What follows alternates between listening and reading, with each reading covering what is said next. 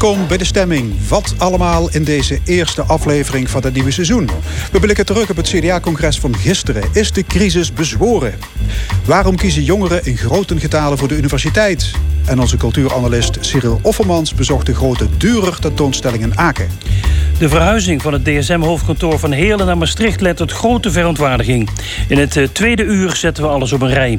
Verder een column van Jos van Wersch met de nieuwe gouverneur.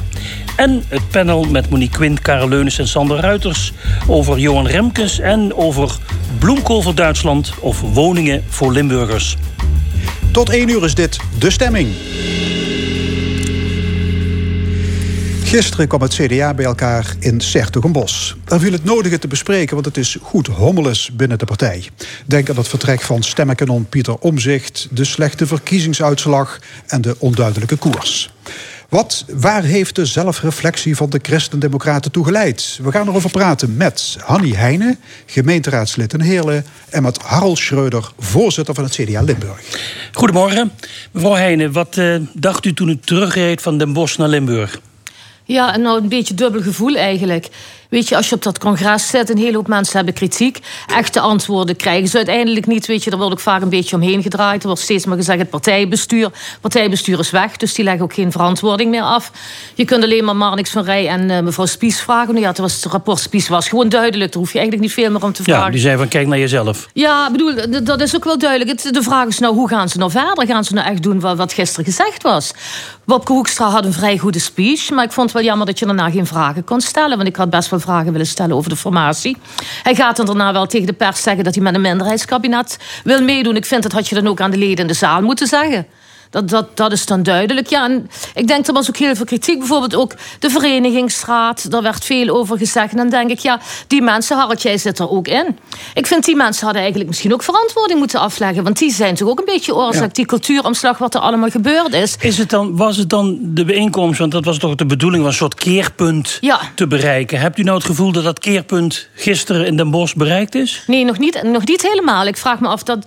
Ik wacht gewoon af wat er nou gaat gebeuren. Hoe gaan we met de formatie? Om? En hoe gaan we ook aan de leden duidelijk maken... waarom gaan ze met de formatie meedoen? Want dat is mij nog niet duidelijk gemaakt. Nee, nee. De rust is wedergekeerd in het CDA. Dat zou u niet Nou, niet, nou, niet helemaal, denk ik. Misschien ja, voor een groot deel leden. Maar weet je, op het einde dan is er zo'n speech. Dan wordt er elke keer geklapt. Dat euforistische gedoe. Ja, dan denk ik, eh, laat eerst maar, vertel het maar... en laat eerst maar dadelijk zien dat het ook echt gaat gebeuren. Ja, meneer Schreuder, u bent voorzitter van CDA Limburg. Ja, het is natuurlijk ook een soort parochiebijeenkomst. Hè? Op het einde is altijd iedereen blij. Ja, ja absoluut absoluut. En dat, dat heeft is het dan functie? Ja, dat, dat, dat, heeft ook die functie. Dat heeft ook wel die functie dat je bij elkaar zit. Uh, dat je elkaar uh, de waarheid vertelt. Want dat is gisteren wel degelijk gebeurd. Er zijn uh, best kritische vragen gesteld, kritische opmerkingen gemaakt, kanttekeningen gezet. daar heeft de voorzitter ad interim van gezegd: van, nou, voor zover dat ik er nog over ga de komende maanden, ga ik daar nog iets aan doen. En Mhm. daarna komt er een nieuw bestuur. En dat bestuur moet uh, met de aanbevelingen nog sterker aan de maar, slag. Maar iedereen komt er zo makkelijk mee weg natuurlijk nu. Hè? Want ja, er is geen bestuur. Er is de, de, nee, de voorzitter dat... is ad interim, die steekt zijn hand in de lucht. Ja, maar wat, ik was maar er niet dat, bij. Ja, dus dat schiet ben... niet echt op, denk ik dan. Nee, maar daar ben ik, daar, daar ben ik het niet mee eens. Het bestuur heeft naar het rapport Spies gekeken en heeft gezegd... van uh, ja, hier, uh, hier zijn we ook verantwoordelijk voor. En we, we, we dus trekken ons af, terug. Ja. en we, we, geven, we stellen onze functie ter beschikking. Ik bedoel, hoe meer verantwoording kun je afleggen dan uh, mm. over het feit dat je zelf ook schuldig bent. En dan kun je daar gaan staan en kun je nog een keertje uitleggen. Dat heeft ja, ja, ja ze zeggen ook, in politiek Den Haag hoor je ook vaak van... nee, je moet niet aftreden, je moet optreden. Ja, ja dat, maar, maar, maar het, feit dat men, het, het feit dat men is afgetreden... is het, uh, een teken dat men in de periode daarvoor onvoldoende heeft ja, opgetreden. Dat is een soort schuldbekentenis, ja, dat zou is absoluut, absoluut. Ja. Is Wopke Hoek, Hoekstra, hij gaf eerst voor de eerste keer een, een speech uh, op het congres... Voor, voor de leden. Is dat nou een, um, een, een, een goede uh, partijmanager... of een bevlogen CDA-ideoloog? Ja, ik denk misschien wel een goede partijmanager.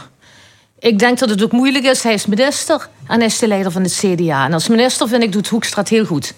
Denk ik denk niet dat een andere minister het beter had gedaan. Ja, als, dus het, ik denk, als het zo zegt, hij doet het goed als minister. Als minister. Ja, en dan maar komt ik denk de, de tweede dat, zin. Ja, dat is, ik denk dat het ook moeilijk is om, om dat samen goed te doen. Ik denk of je bent partijleider of je bent minister. Mm. En dat is gewoon voor Hoekstra moeilijk. En ik denk er is, maar is hij de bevlogen man die, die, die, die de spirit weer terug kan krijgen ja, in die partij? Ja, Want dat, die... dat geloof ik wel. Maar als de rest dan ook maar meedoet. Ik bedoel, er, er, is nou een hoop, er een hoop mensen is nou verantwoording afgelegd, maar niet echt. Ik bedoel, ik vind dat partijbestuur wat afgetreden was, had er ook moeten staan. Ja, Want er waren duidelijk vragen gesteld van wie heeft dat nou allemaal maar gedaan. Maar Rote Wopke stond er wel en zei van, eh, hij vroeg zich bijvoorbeeld af van, ben ik niet te zakelijk geweest? Nee. Uh, dat was een retorische vraag, zei hij achteraf. Dus hij zei eigenlijk, ik was te zakelijk in mijn opstelling.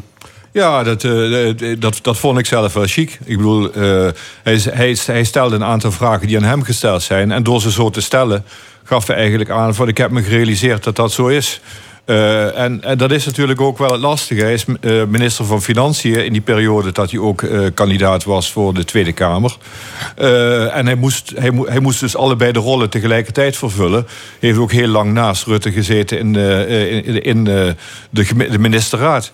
Uh, en dat maar, goed, is maar, niet... maar, kan hij dan die niet-zakelijke partijleider worden? Ja, dat, die die partij bij elkaar goed, brengt? Dat, dat, dat want, gaan we zien. Want, want je, je, hebt toch een, ja, ja ik nou, durf het woord bijna niet te noemen, een verbinder nodig. Maar, ja. maar, dat zijn maar die ik, woorden die ik, altijd gebruikt worden daarbij. Maar uh, als ik daar wat op mag zeggen... Um, er waren twee momenten gisteren tijdens het congres die wat dat betreft interessant waren. Uh, zijn speech, waarin hij aangaf dat hij goed geluisterd had... ook naar de, uh, naar de, naar de toonzetting van de, van, van de zaal. Die zei van we moeten veel meer naar het midden... en veel minder die zakelijke uitstraling hebben... en veel meer weer tussen de mensen gaan staan. Uh, en, maar wat, wat, die, wat, die belang, wat vooral ook gebeurde... was in de periode daarvoor... toen zaten drie uh, Tweede Kamerleden... Op de bühne. Die eigenlijk gewoon zeiden van... nou, wij zijn met een aantal hele vernieuwende ideeën bezig. Dirk Boswijk was er een van. Henry Bontebal was er een van. En die zeiden heel expliciet... Wopke heeft ons opdracht gegeven om op een aantal fronten te vernieuwen.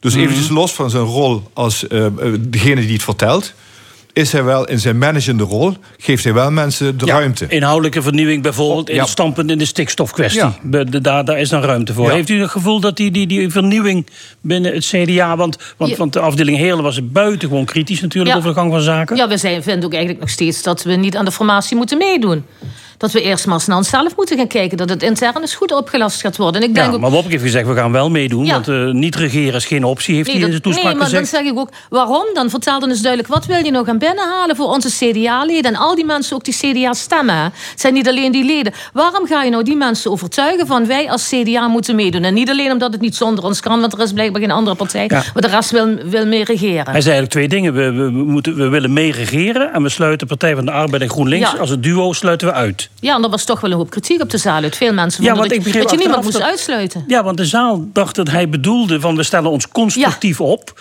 Ja, constructief opstellen en vervolgens een combinatie van ja. PvdA en GroenLinks uitsluiten. Is dat de betekenis van constructief? Nee, ik vind dat hij daar ook duidelijk in had moeten zijn. Nou, ik, uh, ik, ik, ik, ben het, uh, uh, ik ben het er niet mee eens dat hij daar niet duidelijk over was. Hij zei eigenlijk gewoon, luisterend naar de zaal... Uh, van, uh, wat de zaal vroeg ook, neem nou verantwoordelijkheid. Uh, hij zei, ik ga die verantwoordelijkheid nemen. Ik ga serieuze gesprekken aan. En hij sloot nog steeds geen enkele optie uit. Wat het lastige ja, is... behalve, met, behalve de optie nee, van nee, nee, maar hij zei, da, hij zei daarna... Van, dat is nu op dit moment niet de eerst voor de hand liggende methode om over te praten. En we hebben altijd een andere voorkeur gehad. Maar hij zei vooral... Wij, horende wat de zaal zei... Wij moeten verantwoordelijkheid nemen uh, om, ervoor te zorgen dat er een constructief bestuur komt. Wat we niet moeten vergeten is op het moment dat je in een constructie komt te zitten met VVD. Uh, D66, GroenLinks, toch ook een redelijk liberale partij. En een aantal linkse partijen, dat, dat op een aantal fronten waar de partij gisteren ook in resoluties heel strikt over was, bijvoorbeeld met betrekking tot de bescherming van het leven, dat je dan in een positie komt dat je alleen maar kunt slikken. Uh, ook bijvoorbeeld met betrekking tot het leenstelsel, waar ook gisteren een stevige ja, resolutie is aangenomen. Moet ook verdwijnen. Dan kom je in een constructie met die partijen, kom je waarschijnlijk nooit aan een meerderheid om dat ook te realiseren. Ja. Dus op maar, zich... maar is het uh, niet echt des CDA's, hè, dat het leenstelsel bijvoorbeeld, het afschaffen daarvan ja. voor studenten, dat dat uh, werd een breekpunt genoemd. Ja. Dat, dat, ja. dat, dat, dat komt maar, bij andere partijen bekender voor dan bij het CDA. Ja, om maar, vooraf dat, dat zo sterk te stellen. Maar ik, ik, ik, ik, moet je eerlijk zeggen, ik vond dat dus ook een teken van de vernieuwing van de partij die we ook hebben. In het ja, verleden was het maakt, zo. maakt de formatie uh, niet makkelijker. Nee, maar, maar, maar tegelijkertijd ook wel helderder. Uh, op het moment dat. Uh, ik, ik, ik hoor het Chris van Dam nog zeggen, bijvoorbeeld met die resolutie over die kinderen in, in ISIS. Ik hoor hem nog in de zaal zeggen. Ja, om die terug te halen. Als wij met elkaar vinden dat we een bepaalde lijn hebben, dan moeten we hem ook waarmaken in de besluiten die we nemen. Dus ik vond dat wel uh, sterk van de zaal. Dat ze zeiden van nou, we gaan dan ook die signalen geven in welke richting dat we willen bewegen. En dat mm. geldt voor het leenstelsel, dat geldt over, over uh, voltooid leven. En dat geldt bijvoorbeeld ook over die kinderen in het ISIS-gebied, waarvan het congres breed zei van, uh, nou ja, dan moeten we toch een andere koers gaan varen dan dat we in het verleden deden. Nou, en de opdracht aan Wopke is om daarmee om te gaan. Interessant is natuurlijk dat uh, het CDA heeft verloren bij de Tweede Kamerverkiezingen van 19 naar 15 zetels. Het is de, de, de, de derde partij. En toch lijkt het er een beetje op dat ze weer een, zichzelf in een sleutelpositie hebben gemanoeuvreerd. Nou, dat doen de andere partijen, ja. Ze kunnen toch niet zonder het CDA, dat is toch duidelijk? Ik bedoel, en ik vond het goed gisteren dat het congres ook heeft gezegd... ook zeker over dat voltooid leven. D66 is er wel voor. Dus ik denk dat dat heel moeilijk is. Maar ik vind dat ze nou ook moeten doorzetten. Als je dat nou niet geregeld krijgt, dan doe maar niet mee. Als ze zo graag het CDA nodig hebben... moet je ook maar accepteren dat dat de dingen zijn die wij graag dus willen hebben. die wet voltooid leven is voor u een breekpunt? Ja, en ook, ook het leenstelsel vind ik heel duidelijk. Ik vond het heel goed dat die CDA-jongeren dat geregeld hebben. Want acht jaar lang zijn ze er al mee bezig en ze krijgen het steeds niet door. Dus ik denk, het vertrouwen, 100% vertrouwen, is er dan ook niet in de fractie. Want anders zouden ze de resolutie niet aannemen. Nee, het is een beetje dwingen. Ja, de, de, de opdracht aan Johan Remkes als informateur is niet makkelijker geworden na gisteren. Nee, helemaal niet. Nee. Denk ik. Zeg even iets anders nog over het CDA. De, de, de, de interne perikelen zouden moeten blijken. Omtzigt, die naam viel niet zo heel veel meer in het congres. Daar heeft iedereen wel vrede mee nu. Of vrede, ja, ja, voldongen feit. Het is een feit uh, dat hij weg is. En jullie willen met hem blijven samenwerken als CDA. Mm. Ja, dat is ook zo altijd iets van die echtscheidingen. Is ook altijd, we blijven goede vrienden. Ja. Uh, maar uh, komt er nu rust in die partij, waardoor je de gemeenteraadsverkiezingen met een, met een gerust hart tegemoet gaat. U, u zit in de raad van, ja. van Heerlen, ja. al 24 jaar. Ja. Nou, ik, ik denk het wel. Kijk, lokaal is, die tijd er om die rust te krijgen tot die volgende verkiezingen? Ja, dat hoop ik dan wel. Kijk, lokaal is het heel anders. Ik moet dus zeggen, dit is de eerste keer ook dat ik heb gemerkt dat het landelijke zoveel meespeelt bij de burgers. Dat heb ik andere jaren nooit meegemaakt. En nou wel, maar ik denk lokaal stemmen de mensen toch op personen. Kijken toch wat je, wat, wat je voor de burgers doet. Daar haal je de stemmen mee binnen. Ik denk bij ons in Heerlen zeker. Iedereen krijgt altijd persoonlijk de voorkeur stemmen. En je moet gewoon zorgen dat we een goede lijst hebben met mensen die in de samenleving staan. En niet dat er maar gekeken wordt, hoe moet ik dat zeggen, dat vond ik ook vooral bij de landelijke verkiezingen vond ik dat echt een punt waarvan ik denk, ja, Martijn van Haalvert. Iemand die zoveel stemmen binnenhaalt, ja, daar hadden jullie voor moeten zorgen dat hij bij de eerste 15 kwam. Ik vind dat heeft de provincie nagelaten. Ik bedoel, bij de gemeenteraadsverkiezingen moeten we gewoon zorgen dat mensen die veel voorkeur halen, dat die ook ja. vooraan staan, dat de burgers ook weten, die worden gewaardeerd effect op de gemeenteraadsverkiezingen? Wat denkt u als voorzitter van CDA Limburg? Uh, ik, ik, denk dat uh, uh, in, in Limburg uh, is. Ik ben, dat helemaal met Hanny eens. in Limburg is het zo dat mensen dat wij lijsten samenstellen. waar mensen veel stemmen krijgen. En is dat effect altijd wat minder landelijk? Is het effect van, van, van, van landelijke gedoe altijd groter. Ja. Uh, ik denk wel dat, het, eh, dat de oproep gisteren was. Dat was ook eigenlijk de laatste resolutie werd aangenomen. Die ook de mooie titel had. Uh, uh, eensgezind voorwaarts. ik denk dat dat wel. Uh, moet helpen. als wij met elkaar intern ruzie blijven maken, dan gaat er geen mens op ons stemmen. Ja. En daar hebben we dan op alle fronten, zullen we daar altijd last van blijven houden. En ik denk wat dat betreft dat we gisteren met dat congres, ook met een aantal uh, kritische uh, aangenomen, uh, eensgezinde, eensgezind mm. aangenomen resoluties. Dat we echt wel een sprong vooruit hebben gezet. En ik ga ervan uit dat wij met elkaar, als wij aan tafel gaan zitten, wat, wat ook een oproep van Bob Koeker was, dat we er prima met elkaar gaan uitkomen. Maar dat is gedoe weg. Harold Schreuder, voorzitter van het CDA Limburg en Hanny Heijnen, raadslid in Heerlen voor het CDA. Dank voor jullie komst. Graag gedaan. Ja, graag gedaan. Zometeen naar de stemming. Het onderwijs. Wat is de aantrekkingskracht van de universiteit? Want het aantal inschrijvingen blijft maar groeien. Eerst muziek. Ik weet niet of Stevie Wonder ooit een master heeft gehaald. Maar muziek maken kan hij als de beste. Superstition.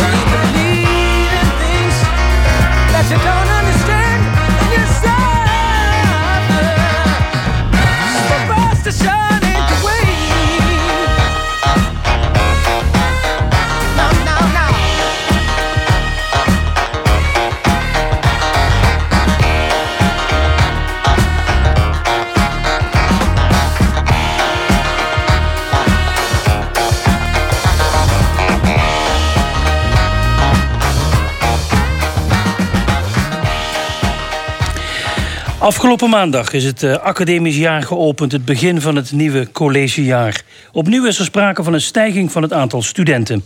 Een trend die al jaren aan de gang is. Waarom is de universiteit zo populair? En leidt dat op den duur niet tot een overschot aan hoogopgeleiden? Of is onze kennissamenleving onverzadigbaar? Aan tafel Frank Curvers, hoogleraar demografie, onderwijs en arbeidsmarkt aan de Universiteit Maastricht. En Karel Dietrich, bestuursvoorzitter van de Open Universiteit. Heren, welkom. Uh, meneer Dietrich, geen plannen om de Open Universiteit te verplaatsen naar Maastricht? Uh, nog niet, behalve als er een hele grote bruidschat aan vastzit. Oké, maar zou je het überhaupt aandurven om te verkassen? Nee. He, gezien alle emoties rond DSM? Nee, absoluut niet. Het heeft niks met DSM te maken, maar de OU hoort op de plek waar die is. Oké, nou blijft hij ook. Ja. Goed, de universiteit. Eh, de toestroom van nieuwe studenten blijft maar groeien. Hoeveel nieuwe klanten heeft u geteld? Ik denk dat wij op dit ogenblik rond de 19.000 studenten zitten. We hebben er iets meer dan voor. Ik denk 10% stijging ten opzichte van vorig jaar. Oké, ja. En in de afgelopen 20 jaar is sowieso het aantal studenten verdubbeld. Ja. Um, meneer Curvers, waarom is de universiteit zo populair? Ja, dat heeft eh, diverse, diverse oorzaken. Um, de belangrijkste oorzaak is denk ik toch wel dat. Uh, dat er ook vraag is uh, naar mensen op universitair niveau. Dus de uh, perspectieven op de arbeidsmarkt zijn goed. En de carrièreperspectieven uh, later op in je, in je loopbaan zijn ook heel goed. En vraag schept vanzelf aanbod. Precies. Nee, andersom. Aanbod schept vraag.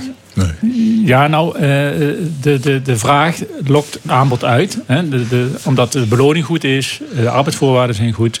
En dat maakt dat studenten geïnteresseerd blijven in een een academische loopbaan en een universitaire studie. Ja. Kun je stellen hoe hoger de opleiding, hoe beter de baan en hoe beter het salaris? Absoluut, ja, dat, uh, dat blijkt heel duidelijk uit het onderzoek. Ja. En dat is de reden waarom ja, ouders hun kinderen pushen om vooral naar de universiteit te gaan. Want dan is je kostje gekocht. Goed betaalde baan, je kunt een eigen huis kopen. Ja, de samenleving heeft er behoefte aan. Zoals Frank zegt, uh, de, in dit geval is de vraag om ik denk op dit ogenblik nog oneindig groot. Uh, we zeggen wel dat in de, in de leeftijdscategorie van 25 tot 35 heeft de helft al een opleiding van of WO of HBO. Maar de vraag is groter nog dan dat. Dus we kunnen nog meer, wij zouden nog meer mensen aan moeten hmm. kunnen. Voor een deel komt die grote toestroom trouwens op het konto van buitenlandse studenten. Hè? Meneer Curvers, u bent hoogleraar arbeidsmarkt. Hoe groot is dat aandeel buitenlanders? Ja, aan de, aan de Universiteit Maastricht zien we dus dat, uh, dat uh, meer dan de helft uh, buitenlandse herkomst heeft. Meer dan de helft? ja, meer dan de helft. Dat zijn veel Duitsers? Veel Duitsers, maar ook Belgen, Chinezen. Um, en um, het enige wat aan de Universiteit Maastricht iets achterblijft zijn, de, zijn toch wel de studenten buiten, van buiten de Europese Unie. Maar ook daar zitten we in de top 4. Um, maar je ziet, je ziet eigenlijk ook wel in, in, op andere universiteiten veel toestroom van buitenlandse studenten okay. um, op, op de Nederlandse universiteiten. Omdat de Nederlandse universiteiten gewoon een uh, hele goede uh, naam hebben internationaal. Maar ook omdat er heel veel Engelstalig onderwijs wordt aangeboden. Aha. En dat is de reden waarom ze de uitgerekend Nederland kiezen. Ja, Nederland, Goede kwaliteit, Engelstalig. Ja, en er komt nog bij dat we de brexit hebben gehad... waardoor ook het Verenigd Koninkrijk eigenlijk wat minder interessant is, is geworden... voor uh, EU-studenten bijvoorbeeld. Ja. En is dat een wenselijke ontwikkeling? Dat Ik bedoel, over... ze kosten heel veel geld, ja. veel belastinggeld... en wie weet gaan ze na het behalen van een diploma terug naar hun eigen land. Ja, dat, dat wat gebeurt ook, wij daarmee op? Dat gebeurt ook voor een, voor een deel. Maar er zijn toch allerlei voordelen verbonden aan uh, buitenlandse studenten op onze Nederlandse universiteiten. En um, uh, ten eerste is het zo dat, dat ook toch nog een significant deel van die studenten in Nederland blijft. En in Nederland hebben we ook een hele grote vraag naar hoger opgeleid, zeker in bepaalde richtingen, zoals de technische richtingen, natuurwetenschappelijke richtingen. En uh, dus uh, grote bedrijven als ASML bijvoorbeeld, maar ook bijvoorbeeld DSM, die hebben behoefte aan, aan technici die ze niet alleen maar uh, uit ons eigen land kunnen halen. Um, dus dan komen, zijn die buitenlandse studenten zeer welkom. Daarnaast is het zo dat, dat ook doordat er meer buitenlandse studenten zijn en concurrentie aangaan met Nederlandse studenten in het onderwijs, dat dat ook de Nederlandse studenten motiveert en stimuleert. En uh, bovendien, uh, door de grotere schaal waarop je uh, opleidingen kan aanbieden, anders zou bepaalde opleidingen bijvoorbeeld niet meer kunnen worden aangeboden, heb je ook een, een, veel breder onderwijsprogramma waar ook weer Nederlandse studenten van kunnen profiteren. Dus door de grotere schaal. Hè. Daarnaast heeft, tot slot heeft het Centraal Planbureau ook uitgerekend, dat als we alles op een rijtje zetten, dat buitenlandse studenten toch de Nederlandse schatkist wat op gaan leveren, omdat ze dus voor een deel hier blijven en dan ook belastingbetalers worden. Dus zijn, uh, zijn netto eh, voor de schatkist levert het eigenlijk uh, alleen maar geld op. Oké. Okay. Maar goed, in het algemeen, uh, zeiden jullie er straks, is het positief hè, dat er zoveel jongeren naar de universiteit gaan. Want dat is goed voor onze kenniseconomie? Ja, zeker. Maar het is ook goed voor het individu. We hebben, dat blijkt ook uit onderzoeken die, ik denk niet het ROA, maar wel andere, andere instituten doen. Als je wat hoog opgeleid bent, leef je ook gezonder. Je hebt meer mogelijkheden. Ehm, de kosten voor gezondheidszorg worden aanzienlijk lager. Dus er zitten allerlei andere voordelen aan dan het feit dat je hoger opgeleid bent. Ja. Maar 70% van de werknemers in Nederland werkt in het midden- en kleinbedrijf. En dat is toch niet allemaal werk waar je een universitaire bul voor nodig hebt. Ja, het ligt eraan hoe je midden- en kleinbedrijf gaat definiëren. Want uh, ik denk dat dat wel in het onderzoek van het ROA onder andere zit... wat midden- en kleinbedrijf is. En dat is niet alleen de slager op de hoek... maar dat zijn ook bedrijven tot 300, 400 werknemers van starters of doorstarters of uh, nieuw ontwikkelde technieken. En dat zijn wel grote bedrijven waar je extra moet investeren... en waar je ook hoogopgeleide werknemers voor nodig hebt. Meneer Curvers? Uh, ja, dat, dat klopt. Uh, ook in het midden- en kleinbedrijf heb je uh, hoger opgeleide nodig. En je moet natuurlijk ook onderscheid maken tussen mensen die op een HBO ehm, ja, leren ehm, en, en, en afstuderen. die zijn wat meer praktijkgericht. En mensen die op universiteit zijn iets academischer. En in het midden- en kleinbedrijf zie je dus vooral veel HBO'ers. En die hebben daar ook heel hard nodig. Uh, dat wil trouwens niet zeggen dat we uh, over, over de hele linie uh, hoger opgeleiden nodig hebben. In sommige richtingen zijn de perspectieven op de arbeidsmarkt wat, richting, wat minder, ook binnen, binnen de universitaire studies. Hè. En er zijn natuurlijk ook heel veel MBO-opleidingen die ook hele goede perspectieven op een loopbaan Um, hebben. Dus ik, wou, uh, ik wil zeker niet uh, zeggen dat iedereen nu maar een hogere opleiding nee, moet want kiezen. De vraag is: krijgen we straks geen tekort aan laag opgeleide mensen? Aan pakjesbezorgers, aan aspergetelers, aan schoonmakers? Ja, ja, zeker. Die, die tekorten zie je natuurlijk nu ook al. Je ziet uh, dat wij door, bijvoorbeeld door de corona ook uh, uh, buitenlandse werknemers missen. Dat zijn vaak, is toch vaak laag opgeleid werk uit mensen uit Oost-Europese landen die seizoensarbeid hier verrichten. Dat kon een tijd lang niet. En dan zie je dat we, ja, dat we daar dus ook de oogsten bijvoorbeeld niet volledig hebben kunnen doen. maar ook ja, dat... corona zijn dat de essentiële beroepen gaan heten, hè? Ja, dat zijn de essentiële beroepen gaan, gaan heten. Dus op zich zie je daar ook wel dat wij niet alleen maar hoger opgeleide uh, nodig hebben, maar ook eigenlijk allerlei mensen nodig hebben van heel verschillende kwaliteiten en uh, achtergronden. Uh, dus ik pleit er zeker niet voor dat iedereen nu nou maar een hogere opleiding moet gaan doen. Alsjeblieft niet. Frank, dat, het is op dit moment, ik denk dat ouders goed moeten nadenken, ook in studieadvies aan hun kinderen. Want waar maak je mensen ook gelukkig mee? Waar maak je je kinderen gelukkig mee? En als je op dit ogenblik ziet dat er op de arbeidsmarkt grote tekorten zijn in de zorg en in het onderwijs, maar vooral ook in de uitvoerende beroepen zoals loodgieters, elektriciens, timmerlieden, dan moeten ouders goed nadenken of het nou wel verstandig is om dan in de richting van een administratieve baan te gaan of in de richting van een uitvoerende baan. Mhm. En vaak worden mensen daar denk ik gelukkiger in als ze iets kunnen doen waar ze ook van, zeker van zijn dat ze daar een baan gaan vinden. En dat is in die sectoren in elk geval het geval. Ja. De universiteiten zijn blij met al die uh, grote, grote aantal aanmeldingen. Maar zeggen ze, het water staat ons aan de lippen. En ze komen 1,1 miljard per jaar tekort. Ja. Moet de overheid met extra geld over de brug komen? Karl Dietrich. Ja hoor, er is geen twijfel over. Er is een mooi onderzoek gedaan door PricewaterhouseCoopers. Dat is uh, een, vijf maanden geleden verschenen. En dat praat inderdaad over 9 ton, eh, of 900 eh, miljoen structureel. En er komt wat de universiteiten betreft nog 200 miljoen achterstallig onderhoud bij. Dus 1,1 miljard. En dat zou echt nodig zijn om de universiteiten weer op een te brengen. anders wordt de werkdruk van universitair personeel te, gewoon te zwaar. Het is niet alleen de werkdruk, het is vooral ook de hoeveelheid taken aan de onderzoekskant die onder druk staan op dit ogenblik. En onderzoek is nodig om de economie ja, te vernieuwen, te vitaliseren, om te zorgen dat er nieuwe banen bij komen. Dus vooral het onderzoek staat op dit ogenblik hard onder druk bij de universiteit. u zei maandag in uw toespraak: de universiteit is geen ivoren toren meer, maar een shoppingmall. Yes. Wat bedoelt u daarmee? Ik bedoel daarmee dat wij zo langzamerhand in zo'n open organisatie geworden zijn dat iedereen er iets van zijn gading kan halen. Van ons wordt verwacht dat we internationaal meespelen. Wordt verwacht dat we op nationale schaal meedoen. Dat we een regionale ontwikkelaar zijn. Dat we zorgen voor inclusie. Dus iedereen met weinig kansen dat die tot het onderwijs kan worden toegelaten. Dat je tegelijkertijd moet je bezig zijn met excellentie. Je moet onderzoek en onderwijs doen. Als je dat allemaal bij elkaar bouwt, dan heb je een hele grote, bijna een, een, een groot onderneming waar je verschillende loketten hebt, waar steeds iemand uit een, bij een verschillend loket iets kan gaan afhalen. Dus universiteit heb ik wel eens van gezegd, dat is een multiversiteit geworden. Er worden zoveel verschillende dingen gedaan. Dus u bedoelde dat negatief, dat begrip Positief. shoppingmall? Positief. Wel, u vindt het allemaal prima. Die... Ik ben nog absoluut... De universiteit, het belang van de universiteit kan niet worden onderschat. Nee, dus hoe meer taken wij aan bij kunnen dragen... hoe beter het voor de samenleving is. Het zijn er alleen zoveel dat je af kunt vragen voor alles op een, op een even goede manier kunnen uitvoeren. Ja, maar als je meer geld wil, kun je zeggen, kun je ook uh, minder taken doen. Dan kom je wel uit met je geld. Ja, maar dan is het de vraag welke taken je niet meer moet doen. Je kunt niet onderwijs dat, dat, is, dat, dat, is beleid, dat is management. Ja, nee, dat is niet... Nee, nee, nee, nee, ho, ho, ho. Keuzes Dit valt mij betreft dat is een hele politieke vraag. Dat is een, echt een vraag okay, van... politiek management, maar, maar het is wel keuzes maken. Ja, die, dat kunnen wij wel doen, dat is het probleem niet. Maar dan moet de overheid zelf ook leren... om niet zoveel vragen aan universiteiten te stellen. Want elke paar jaar zie je dat die vragen... Het is met name op dit ogenblik weten ze dat uh, universiteiten... met name door een onderzoek... een belangrijke bijdrage leveren aan regionale en economische ontwikkeling.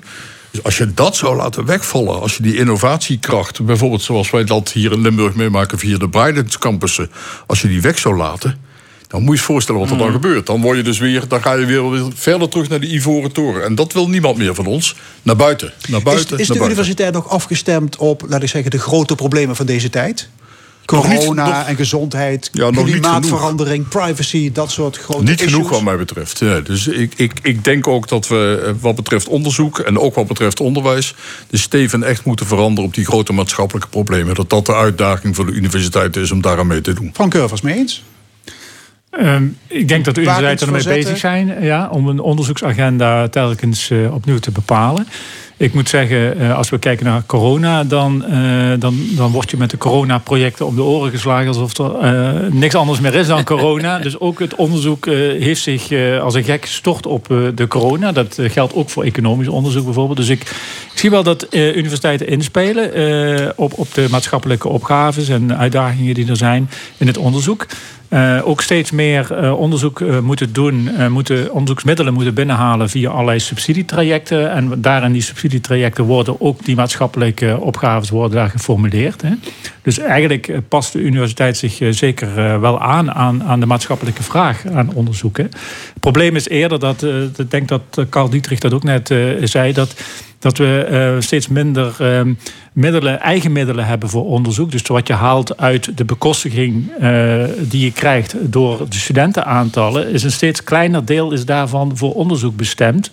Omdat het budget wat je met het onderwijs kan geven aan studenten eigenlijk min of meer hetzelfde is over al die over de laatste jaren. Dus dat stijgt te weinig. En de universiteiten die, worden, die krijgen de middelen um, toebedeeld aan de hand van het aantal studenten uh, dat ze hebben, maar dan wat het aandeel studenten dat ze hebben in, de, in, die, in diezelfde pot met geld, die al jaren min of meer hetzelfde is. En dat betekent dat alle universiteiten met elkaar concurreren om zoveel mogelijk studenten. Maar uh, als ze allemaal meer studenten binnenhalen en het aandeel blijft hetzelfde, krijgen ze evenveel geld. Dus ze hebben per saldo minder, minder eh, geld per student. Ik. Dus er is een concurrentieslag gaande tussen de universiteiten. U zei deze week, meneer Dietrich, dat moet afgelopen zijn. Er moeten meer allianties worden gevormd. We moeten meer samenwerken. Ja, dat gebeurt ook. Dat, het, het, het, model leidt ertoe, als je daarop doorredeneert, dat, dat noemt men dan een perverse prikkel, dat je voor elke student meer geld krijgt. Ik denk dat de universiteit daar langzamerhand wel van terugkomt. Omdat we zien dat het plafond ook redelijk bereikt is. De Universiteit Utrecht zegt wij willen eigenlijk kleiner worden. We willen niet meer groter worden. Maastricht kan er nog, kan er nog studenten bij. De Open Universiteit kan studenten bij. Maar er zit een, een, een soort druk op ons allen om eh, ervoor te zorgen dat je voldoende middelen hebt om al die taken uit te voeren. Dat is de spanning, de intrinsieke spanning tussen taakuitvoering, het geld dat we hebben, en de maatschappelijke opgave om zoveel mogelijk goede mensen af te leveren.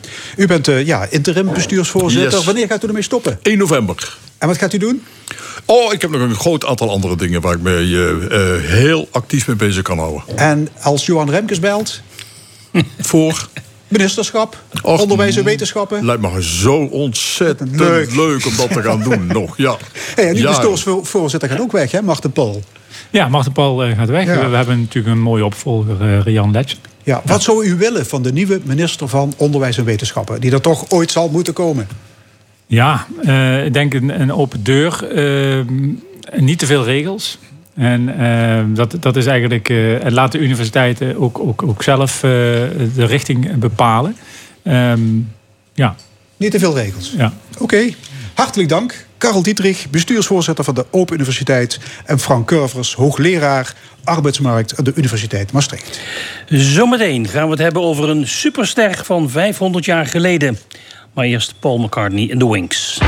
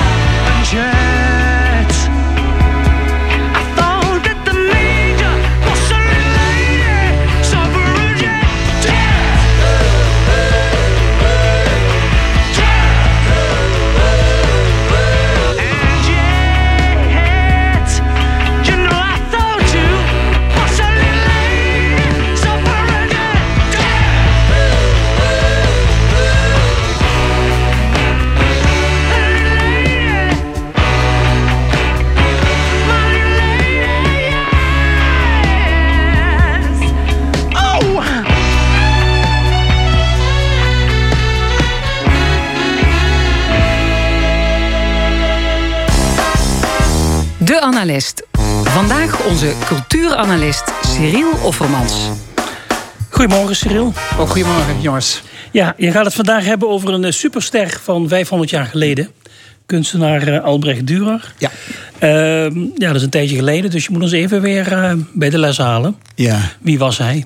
Um, je zei zelf al superster. Dat is natuurlijk een term die, uh, laat ik maar zeggen, met terugwerkende kracht uh, op ja. de man geplakt is. Maar hij was wel iets dergelijks hoor, in die tijd. Uh, in elk geval was hij heel erg beroemd. Uh, maar goed, dat is natuurlijk een secundaire eigenschap, zou je kunnen zeggen. Hij was vooral van belang als kunstenaar. Hij leefde rond uh, 1500.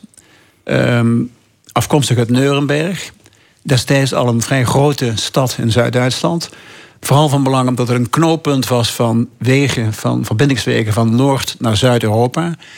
Um, dat is tegelijkertijd de positie die hij in de kunstgeschiedenis ingenomen heeft in de loop der tijden. Hij is namelijk een soort verbindingsman geworden tussen de Italiaanse renaissance en de uh, Vlaamse primitieve, de Noord-Nederlandse kunst in de 15e en 16e eeuw, die nog in hoge mate middeleeuws was. Hij is eigenlijk de eerste grote uh, renaissance kunstenaar in Noord-Europa. Ja, en hij uh, kopergravures, uh, tekeningen, ja. schilderijen, maar schilderijen. dat wat minder geloof ik. Maar, Klopt, ja. Maar dat waren de dingen waarmee hij zich uh, onderscheidde, zeg maar. Ja. En nu is er een grote tentoonstelling in Aken mm -hmm. over Albrecht Dürer.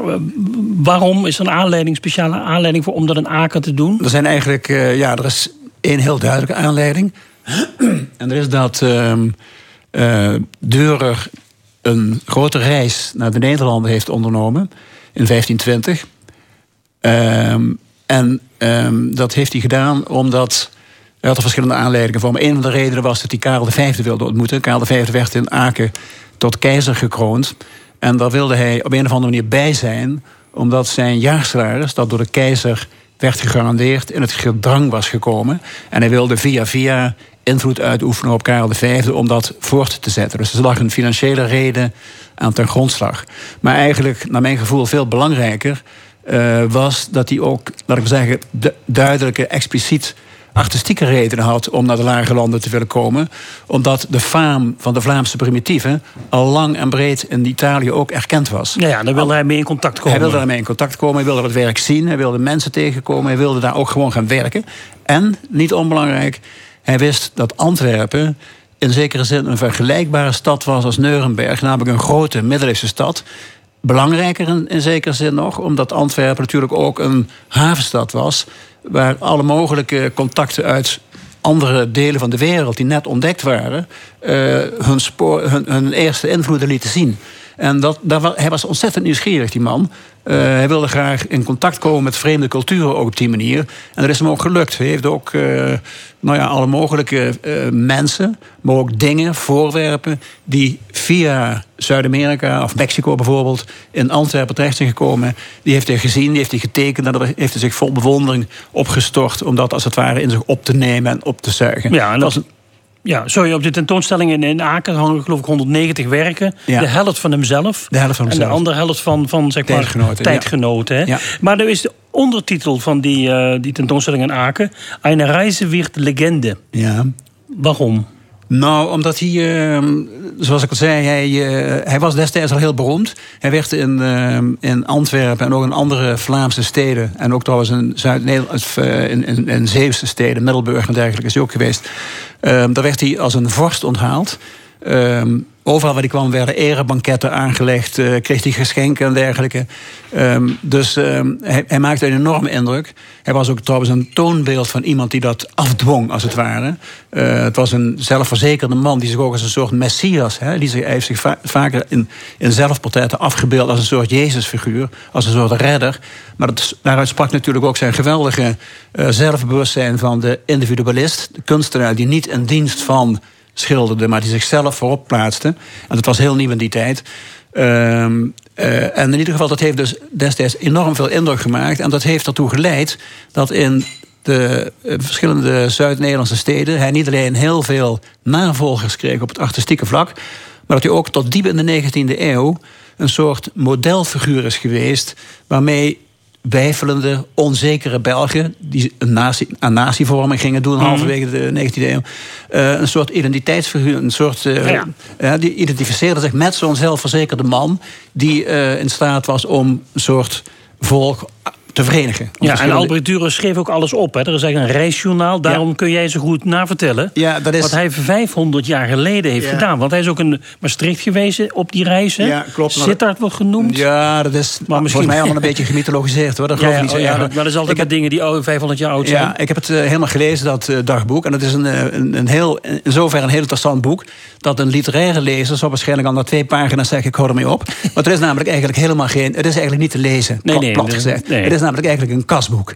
In, in vrijwel elke regel kom je iets tegen over dat met geld te maken heeft. Oh. Wat hij heeft moeten betalen voor dit, hoeveel eh, de bi- het bier kostte, hoeveel de maaltijd kostte. En dan zou je dus de indruk, en ook wat hij dus eh, zelf verhandeld heeft. Hè. Dus in die zin is het ook heel belangrijk omdat je precies te weten komt wat hij gemaakt heeft, voor wie, wat hij ervoor gekregen heeft. Soms heeft hij het geschonken, meestal om er eten voor terug te krijgen, of een, een pension, een eh, overnachtingsmogelijkheid aan over te houden. In die zin is het heel interessant, maar het is in, in, in de zin van vertellend, en de, als een verhaal zal ik maar zeggen, is het volstrekt oninteressant. Ja, ja, ja. Ehm, maar het verhaal moet je dus meer halen uit de werken die je daar ook ziet Ja. hangen in, in Aken. Ja, En en het dat- dat... Suurmoed Ludwig, Ludwig Museum is dat. En dat is, dat is Eh, ook wat, wat zie je daar? Wat, Nou, wat, wat viel jou op? Wat, wat, ik hoorde van mensen die er geweest waren... Van, nou, je hebt soms wel een bril nodig. Dat heb je inderdaad nodig. En dat heeft, kleine werken. Dat, die dat is een van de redenen waarom je dat nodig hebt. Nou, een andere reden is dat je ook eigenlijk wel bereid moet zijn om te lezen. Er, is heel veel, eh, er wordt heel veel informatie gegeven die ook wel van belang is, vind ik. Als je het niet doet, dan ontgaat je heel erg veel. Dan Ja, weet je niet waarom iets van belang is en waar Ja. je op moet letten. Dus je moet echt de instelling hebben dat je er even de tijd voor neemt. En dat je dus ook de muurteksten en dergelijke allemaal eventjes tot je het neemt. En dan- verhaal kennen om Ja, hem je goed te kunnen het plaatsen. Precies, zo is het. En eh, daar komt inderdaad bij, wat je net zegt. Eh, heel veel werk is grafisch. En dan moet je dus echt van dichtbij komen om te kunnen zien. Het is afgedrukt. Hè. Dat was ook trouwens een van de redenen waarom hij zo beroemd geworden is. Hij maakte dankbaar gebruik van de boekdrukkunst... die toen pas eigenlijk in zijn kinderschoenen stond.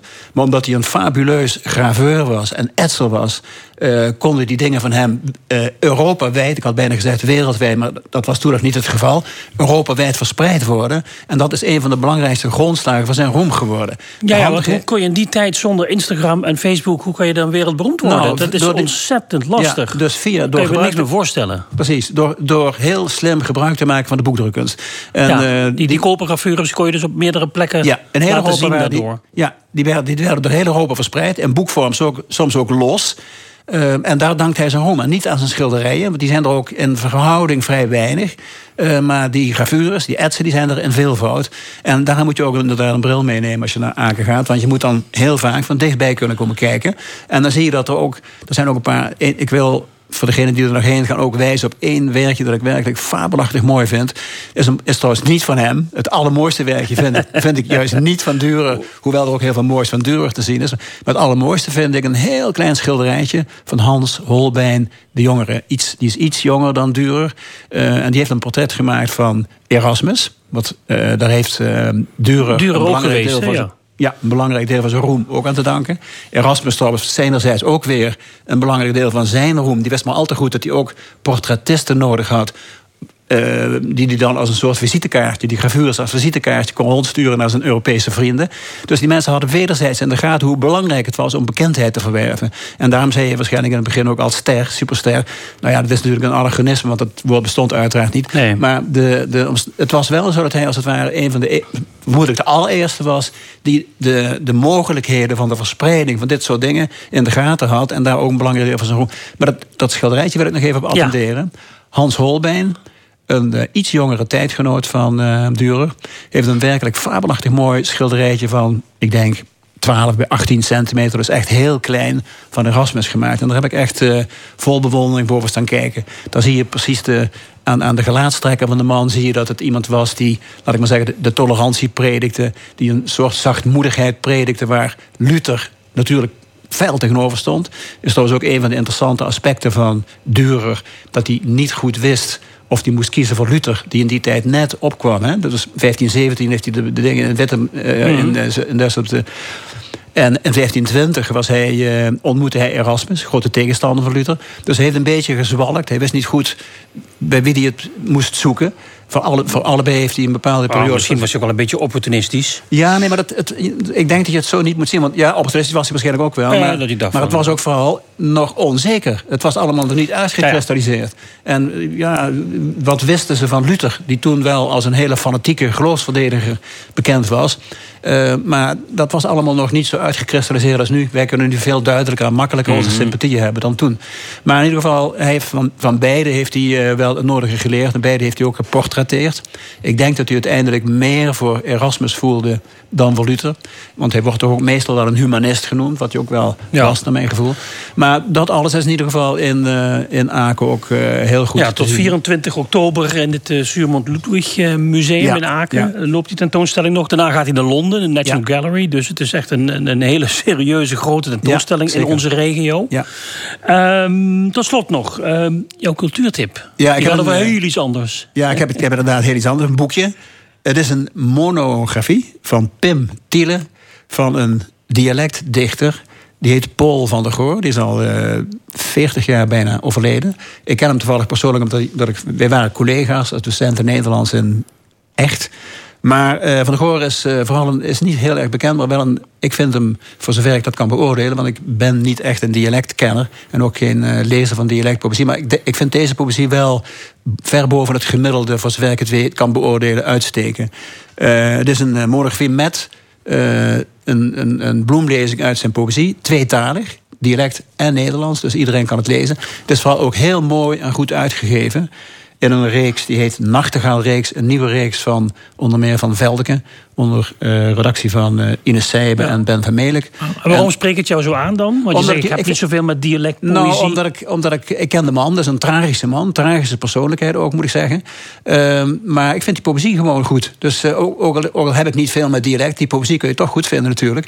En ehm, dat is in dit geval van heel groot deel zo. Er staan echt hele mooie gedichten in... die ook in vertaling in het Nederlands... als ze tenminste goed vertaald zijn... Ja. doen ze het even goed. Gaat goed er niet veel verloren dan? gaat denk ik wel het een en ander verloren. Die vertalingen zijn ook vaak vrij letterlijk... waardoor je aan de ritme en, en, en, en assonanties en dergelijke... Precies. het een en ander verliest. Dat Dat mis is- je dan. dat is wel zo, maar ik kan zelf ook wel voldoende dialect lezen... om het ook in het dialect te kunnen waarderen. Dus eh, nee, het is, eh, ik vind het, een, eh, het is vooral heel mooi uitgegeven. Dus dus het, het begin van een reeks. En ik denk voor liefhebbers een zeer veelbelovende reeks. Ja, maar dan komen er nog meer van. Dan komen Eh, Weet je al ja. wat de tweede wordt? Eh, ja, maar dat ben ik even vergeten. Dat, is wel, dat moet wel bekend zijn. Maar, Oké. dat is- ja, maar dat weet ik niet meer precies. Nou, nog één keer de titel? Ja, het, heet, eh, ja, het heeft een, een beetje een onmogelijke titel. Het heet De Duvel van de Middag Goof Os Vrie. Dat is eh, echt dialect, denk ik. Ja. En ja, goed, je- iedereen snapt wel wat het betekent. De Ja. dichter Paul C.H. van der Goor, geschreven door Pim Tieling. Dankjewel, Cyril Hofmans. Graag gedaan. Straks in de stemming de opschudding over het plan van DSM om het hoofdkantoor te verplaatsen van Helen naar Maastricht. Een verhuizing met vele facetten. Verder een column met een eh, primeur van je welste, een discussiepanel en nog veel meer. Blijf luisteren. Tot zometeen.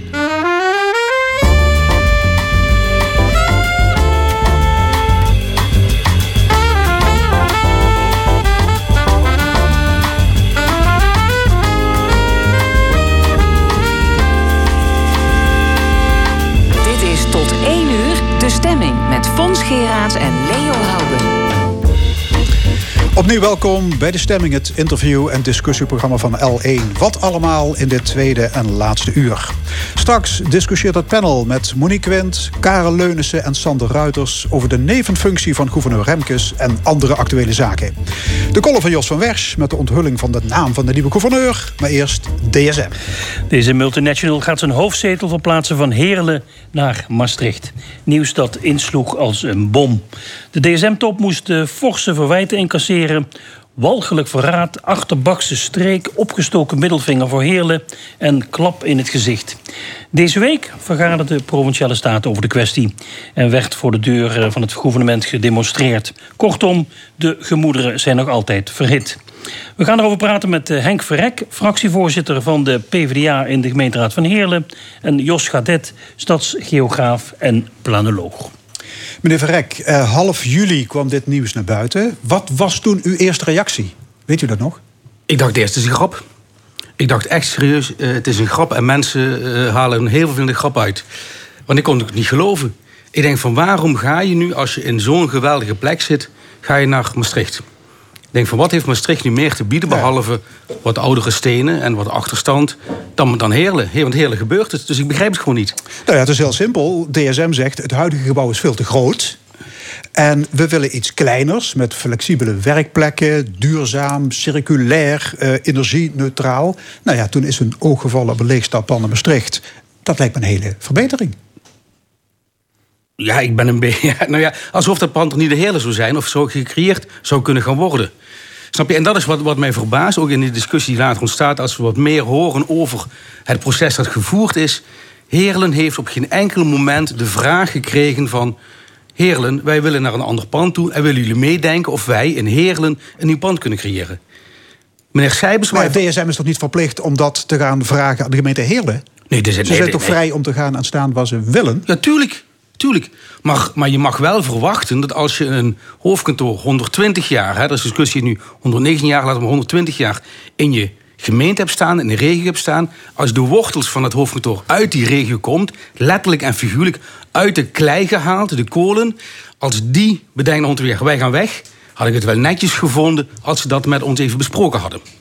Jos Gedet, stadsgeograaf. Wat zijn over het algemeen de motieven van multinationals bij de keuze van de vestiging? Ja, dat is een hele interessante vraag en ook een hele belangrijke. En waar het op neerkomt is eigenlijk één woord: nabijheid. En wat bedoel ik daarmee? Die internationals die denken na, uh, moet uh, iets nieuws bedenken, creatief zijn, in zich in die, in die kenniseconomie. Uh, uh, um, uh, neerzetten. En nabijheid van financiële en juridische advisering. Hè. Philips is ooit van uh, Eindhoven naar Amsterdam gekomen. Dat was hun motief. Je weet nooit precies wat hun motief is, maar dat werd gecommuniceerd. Omdat de nabijheid van dat soort voorzieningen op de Zuidas ontzettend en belangrijk was. En was. juridische advisering? Ja, ja zeker, zeker. En dat bedoelt u advocaten? advocaten, maar ook hoe zet je bepaalde producten in de markt, welke, welke, welke patentmogelijkheden zijn er. Dus echt het hele brede concept. En dat is een vrij traditioneel vestigingsmotief. Nieuwe vestigingsmotieven van dit soort bedrijven, die zich uh, opereren in die creatieve kenniseconomie, is het aantrekken van talent. En vandaag de dag trek je talent aan door een hele, hele nabijheid van voorzieningen in je omgeving. Dus uh, iets heel banaals als bioscopen, cafés, laten we het wat geleerder zeggen, face-to-face. -face, uh, dat zijn plekken waar je face-to-face -face kunt ontmoeten. Een rijke mix van nabijheid van voorzieningen. Dus simpel gezegd, die, die kenniswerkers die willen als ze de deur uitstappen... willen die een lekkere latte macchiato kunnen drinken. Exact, dat klinkt zo banaal. Iemand noemde dat vanochtend, dat zijn de, de, de tertiaire arbeidsvoorwaarden. Inmiddels zijn dat de primaire arbeidsvoorwaarden geworden. Uh, wij hebben, ik werk in Amsterdam, we hebben gesprekken met Booking.com gevoerd. Dat was voor hun een reden. We willen midden in de stad zitten, kost nogal ja. wat, wat geld... omdat hun talent dat ze willen aantrekken... als ze de, de, de deuren uitgaan, dat ze dan die stad dus aan hun kennelijk is de kwaliteit van de koffie in Heerlen niet van die aard dat ze, dat ze daar gaan zoeken. Dat zal. Ik, heb, ik ben een weekendje in, in, in, in, in Limburg. Ik ben begonnen bij Café Brakke in, in Heel. Heb daar buiten gewoon een heerlijke kop koffie gedronken. Maar de, de mix en de veelheid van de keuzemogelijkheden. Ja, het stedelijk gevoel. Dat, het stedelijk gevoel ontbreekt. En ik wil hier geen ruzie met niemand gaan maken. Dat ontbreekt in Heerlen vooralsnog. Verrek. Uh, ik ben nog even. lachen. Ja, nou, ik ben even. Ja, u had koffie moeten drinken bij Aroma op de Oranje Nassaustraat. Uh, op de, op de, op de excuus. Die was nog betere koffie geweest. Nee, maar ik denk van. Het is, het is natuurlijk te, bijna te banaal voor woorden. Meneer Sijbesma heeft altijd gezegd: ik blijf in Heerlen met mijn hoofdkantoor. Meneer Sijbesma heeft amper zijn hielen gelicht. Amper zijn koffers gepakt in september vorig jaar. Of men bedenkt ergens ja, op nieuwe heren, nieuwe wetten. Zo, zo gaat het nieuwe dames, nieuwe dames. Hè. Er is Eén dame, één dame, dame, één dame is gekomen. En de rest was er al even. Eén dame. En vervolgens gaan we naar Maastricht. Ja, en misschien lag het dan niet aan de koffie, maar aan de rivierkreefjes... die misschien wat makkelijker verkrijgbaar zijn in Maastricht. Hè, zoals het gezegd werd op de demonstratie in juni uh, ja. in, in Heerlen. Maar, je, maar, die, maar, maar, die dame die komt ook nog uit Zwitserland. Nee, die dame, die heeft... komt, uit, die dame komt uit Den Haag. Dat is een partijgenoot van meneer Remkes. Die dame komt uit Den Haag, mevrouw Schippers. Die ja, ik heb het over de twee ja. CEO's. Van oh, nee, nee, maar mevrouw Schippers is de baas. De baas van DSM Nederland. DSM Nederland, ja. ja, nee, okay. ja, Maar ik ben bang dat ze toch weinig boodschap hebben aan die, laat ik zeggen, de, hoe heet dat? Symbolische band met de Heerlen. En met de Kunto-mentaliteit. Daar hebben die mensen niks mee. Nou, volgens mij, u, nee, u drukt het nog heel netjes uit. Ze hebben er gewoon helemaal geen boodschap aan. Het zal hun werkelijk aan hun, uh, hun bips groesten. Ja. Netjes gezegd op de radio. Maar goed, even terug in ja. de tijd. Begin augustus, toen dreigde DSM uh, te vertrekken uit Limburg. Als ze die 3,5 miljoen subsidie niet zouden krijgen. Ehm, dat werd door ons gezegd op de dag dat het bedrijf de halfjaarcijfers bekend maakte. Hè? Ja. Een winst van 1 miljard euro. Vond u dat een wat ongelukkige timing? nou, ik, ik, denk, ik denk dat menig communicatieadviesbureau het beter had gedaan. Weet je, we hebben een, uh, heel veel terug, namelijk op die bijeenkomst in Heren die we hebben gehad in juni, heeft de, de, de, toen heeft de directeur uh, facilitaire zaken, was volgens mij, heeft gezegd van, we hebben die subsidie niet nodig om naar Maastricht te verhuizen. Vervolgens zegt die, die, die uh, um, volgens mij is meneer De Vrede, zegt van, nee, we hebben die subsidie wel nodig. Dat is een heleboel garen waarover. Okay. Laten, laten we dat maar, maar, maar het is natuurlijk raar dat als je als bedrijf op een omzet van 4 miljard, je maakt een derde winst, en vervolgens zeg je, ja, ik heb wel die 3,5 miljoen nodig. Het is, het is uh, kleinzieligheid ja, met een grote maar dat je een kleine subsidie vraagt, is toch heel gebruikelijk? Nou, kijk, als het om, een... de, om de business case rond te krijgen. Ja, ja maar, maar, ik, maar dan vraag ik me af, hè, moet je dan als uh, provincie, die het geld uit de kleine kernen haalt... als gemeente Maastricht, die volgens mij 30 miljoen euro tekort heeft... moet je dan maar zorgen dat je dat geld ergens vandaan tovert. Ja. Kijk, als er nu een armlastig bedrijf is... dan denk ik, goh, als, anders redden we het helemaal niet... dan zou ik zeggen, Allah. Maar dit bedrijf heeft een mega winst. Oké, okay, maar Remkes ging akkoord. Maar die was toen koning in het gouvernement. De Maastrichtse gemeenteraad ging akkoord. Ook met 1,75 miljoen euro. Hebben die twee zich laat ik zeggen, in de luren laten leggen door het grootkapitaal? Ja, ik, ik kan niet in de hoofden van meneer Remkens en van mevrouw Pentestaken kijken. Daar kan ik niet in kijken. Maar ik snap het proces wel wat er gebeurt. Snap je? Maar ik denk van, ik vind dat ze wel gewoon een scheve schaats redden. Namelijk Remkes, en daar is ook het debat volgens mij deze week dinsdag uitgebreid over gegaan. Heeft dat, en dat is wat ik een beetje te begrijp, heeft dat vooral niet met de provinciale staten besproken. Die hebben het zo maar georganiseerd dat dat geld ergens vandaan ja. getoverd wordt. om het niet kort te sluiten met provinciale staten. Maar het zijn natuurlijk piepkleine bedragen, ook voor een provincie. Ja, maar het zijn ook piepkleine bedragen voor een bedrijf met een miljard. Ja, ja, nee, maar dat, dat, dat maakt de discussie wel wat diffuus natuurlijk. Ja. Dat opeens zo'n heel raar element ja. van zo'n piepklein bedrag. Nee, nee, en, en wat we gaat veel, terwijl het veel meer om het, ook in uw discussie, toch om het principe gaat. Precies, van, het gaat. Van, uh, moet je de ene stad tegen de andere inruilen? Precies, en, en weet je wat is van. En dan, dan kom je er wel op uit van. Men zegt, het is maar een kleine stap, die 35 kilometer. Weet je, als het Limburg één gemeente was geweest.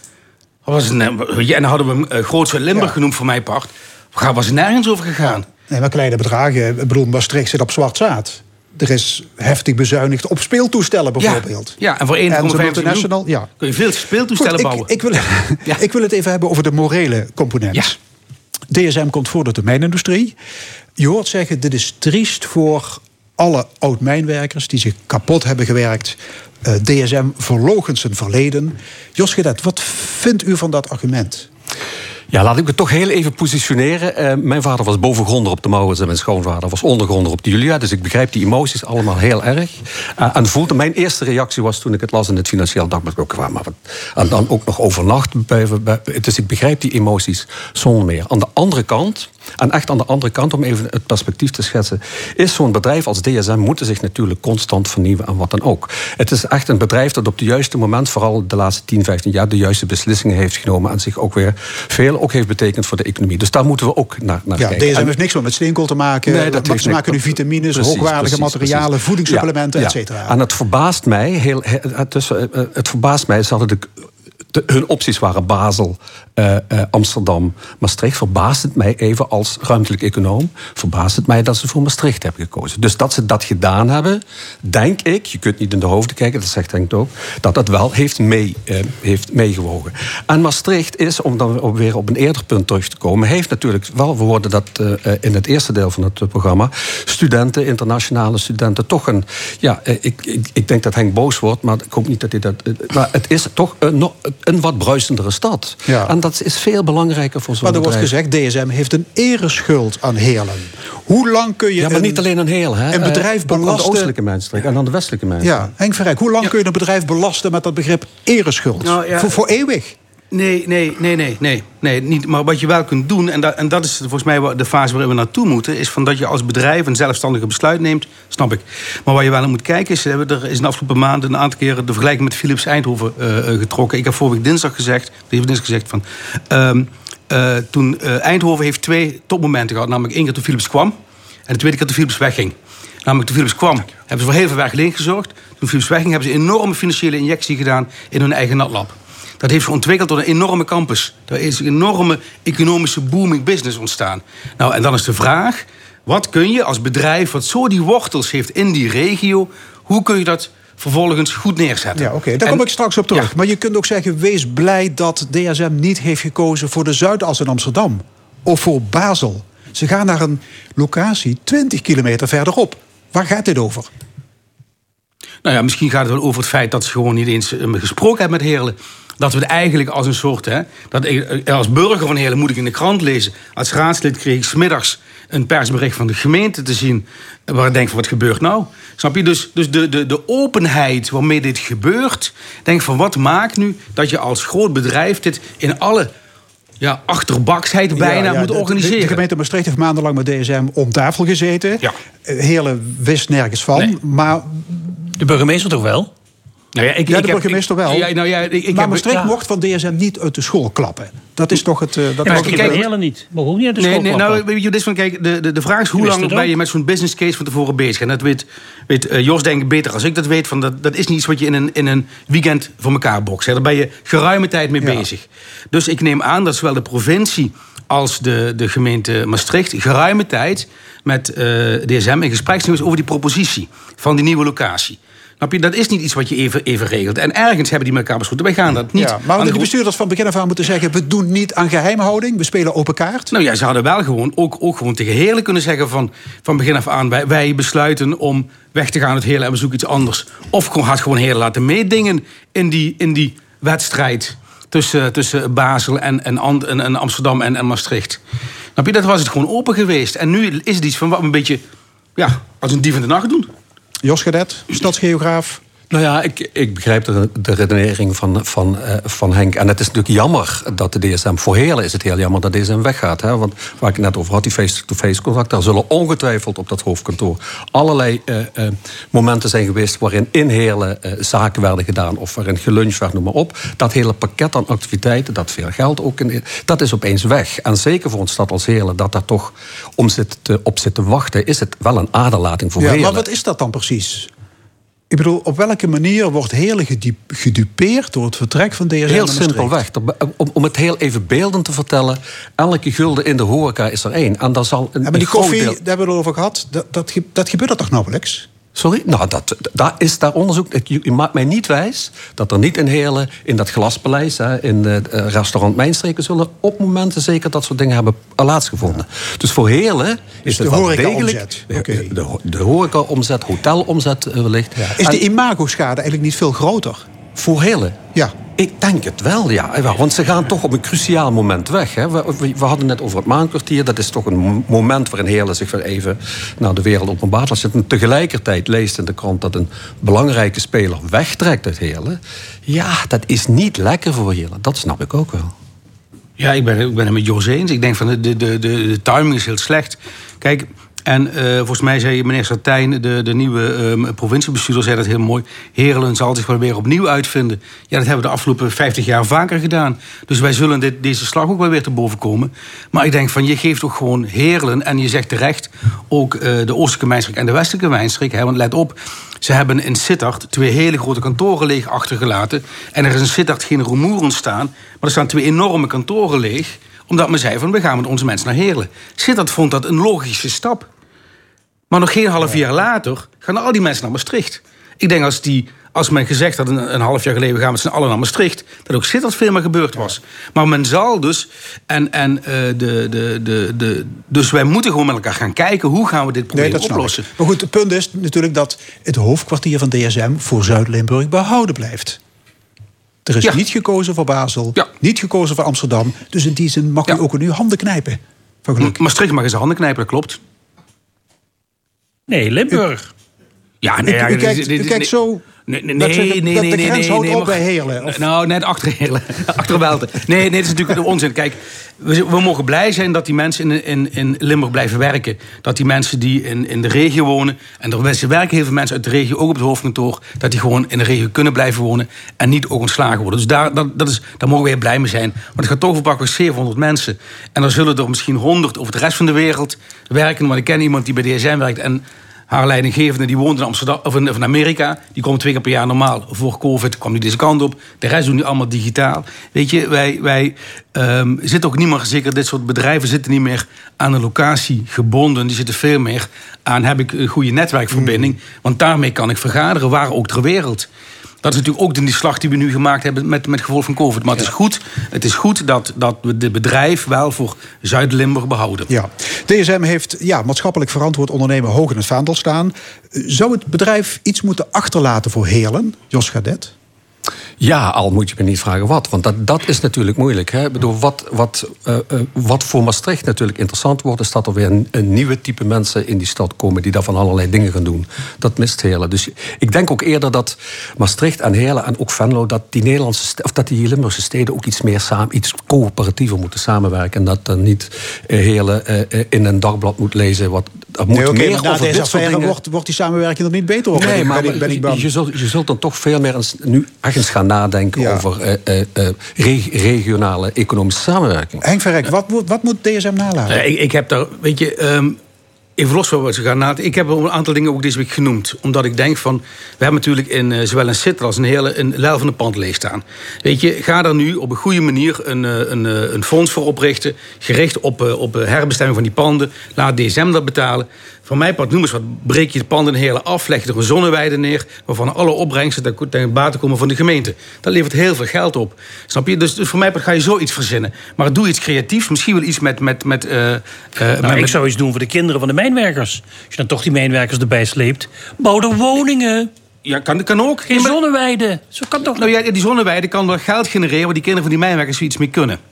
Ja, Snap je? geld De- bij de gemeente. Nee. Nee, nee, maar, nee, maar, die mensen. Maar we zouden ook op woning kunnen maken. Dat kan ook. Maar, maar er zal iets mee moeten gebeuren. En die herbestemming van dat pand, daar moet je met elkaar over gaan praten. Want daar kan je iets mee doen. Je, we kunnen ons geen eh, tweede eh, ehm, eh, de- eh, ehm, eh, CBS-gebouw in Heerlen veroorloven... waar alleen maar weer kleine bedrijfjes komen. Je moet iets structureels met dat pand in Heerlen. Krijgt dit dossier nog consequenties voor de wethouder en de burgemeester van Heerlen?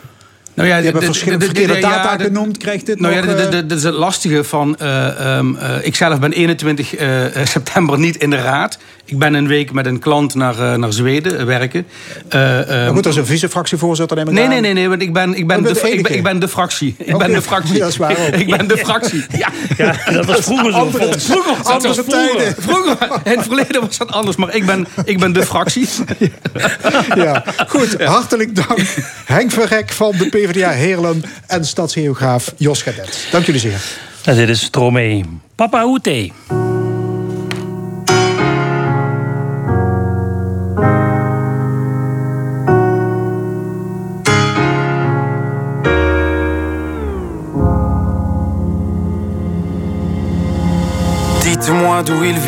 Enfin je saurai où je vais. Maman dit que lorsqu'on cherche bien, on finit toujours par trouver. Elle dit qu'il n'est jamais très loin, qu'il part très souvent travailler. Maman dit travailler c'est bien, bien mieux qu'être mal accompagné. Pas vrai, où est ton papa? Dis-moi où est ton papa? Sans même devoir lui parler, il sait ce qui ne va pas. Ah sacré papa, dis-moi où es-tu caché? Ça doit faire au moins mille fois que j'ai compté mes doigts. Eh, où t'es papa,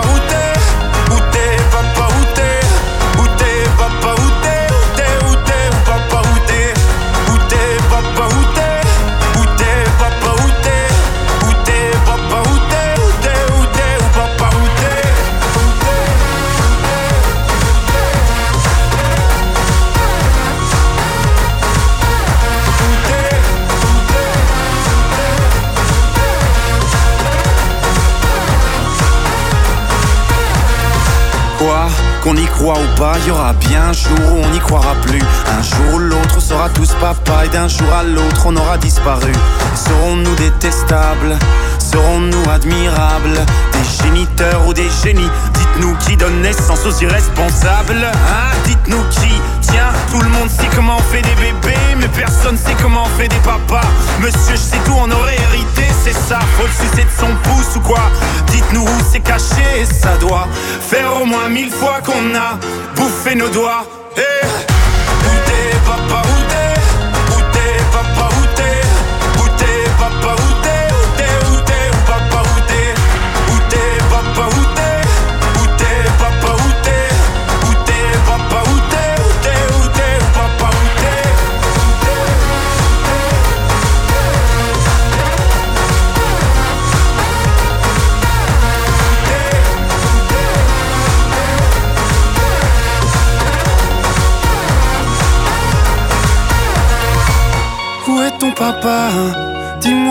papa.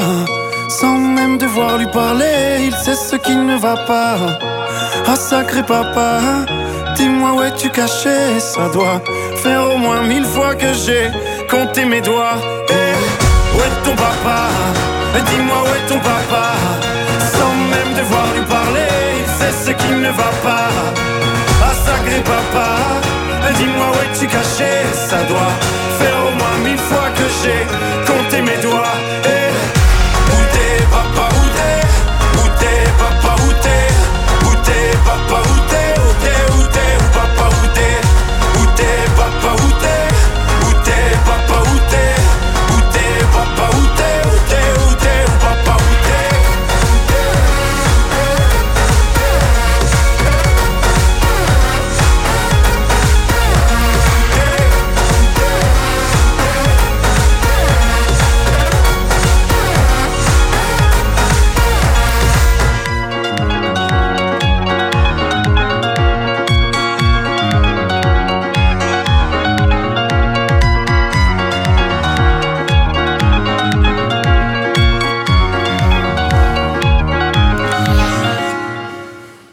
Papa Hoete van Stromae in de stemming van L1. We zijn er iedere zondag van 11 tot 1.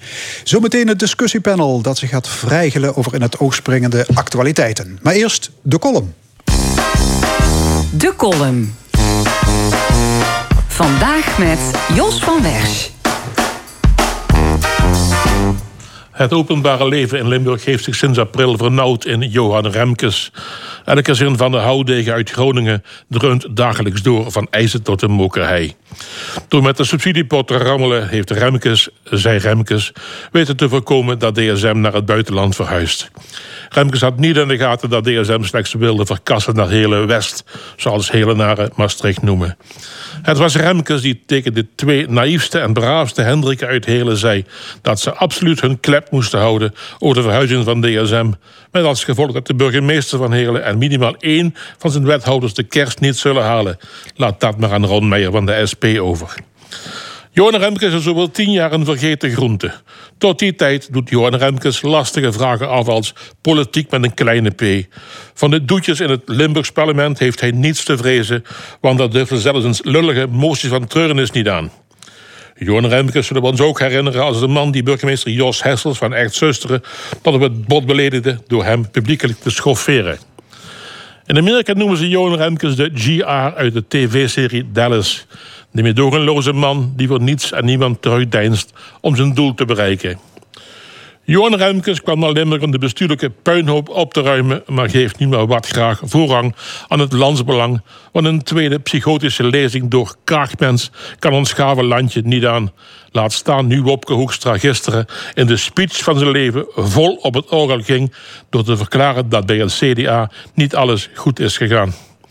Op augustus 15, de dag van de, dat de sollicitatiecommissie uh, sorry, sollicitatietermijn sloot, zou Johan Remkes zomaar gebeld kunnen zijn door Mark Rutte. Die vroeg aan Remkes of zij, je weet wel, ook daadwerkelijk heeft gesolliciteerd. Want met de PTT in Irak weet je het maar nooit.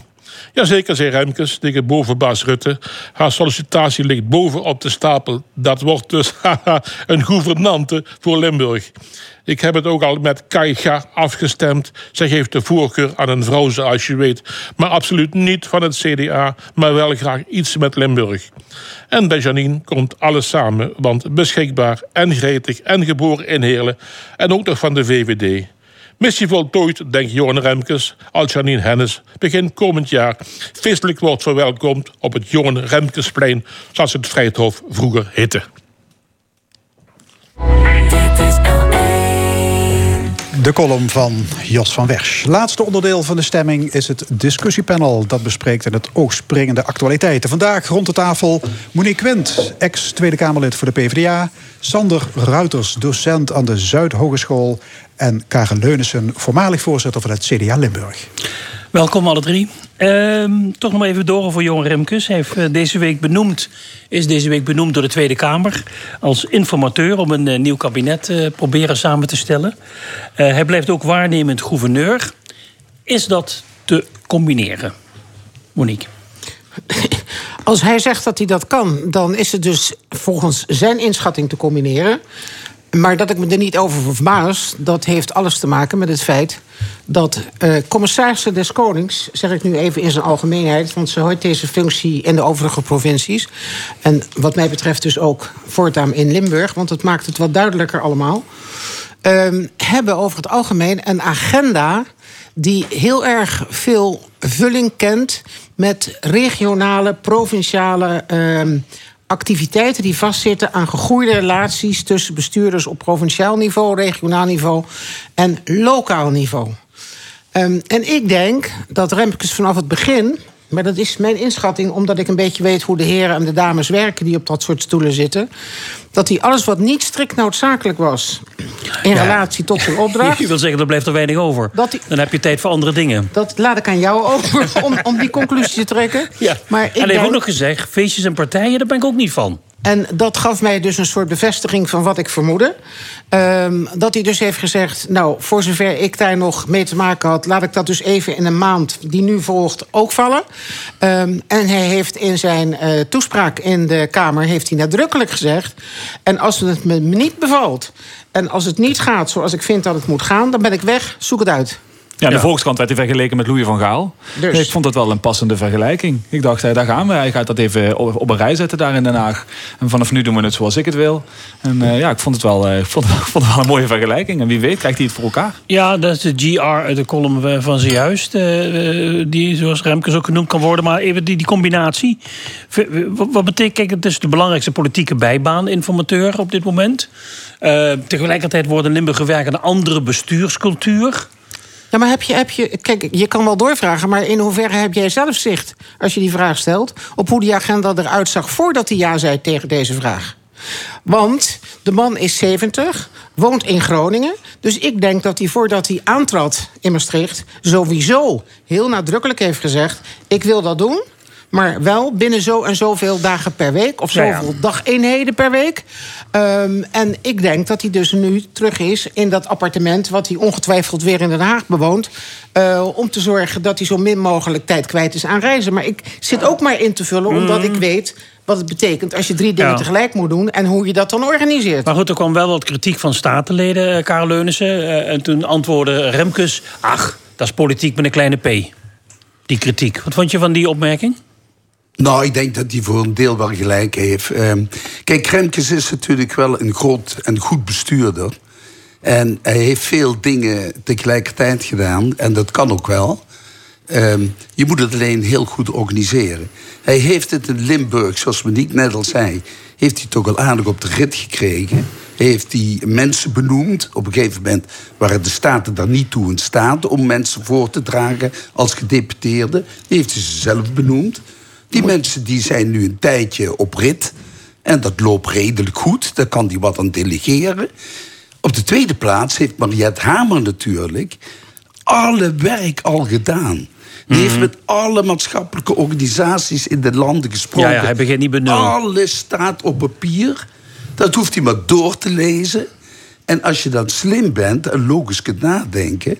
dan weet je welke richting je op kunt. En dat, weet, en dat weet hij al. Dat weet hij al. En dat weet hij al. Ja, en heeft de gekregen om een minderheidskabinet. Het is ook nog eens zo hard om te zeggen... die mensen diep in de ogen te kijken. Wil je of wil je niet? Zo niet, afgelopen. Ja.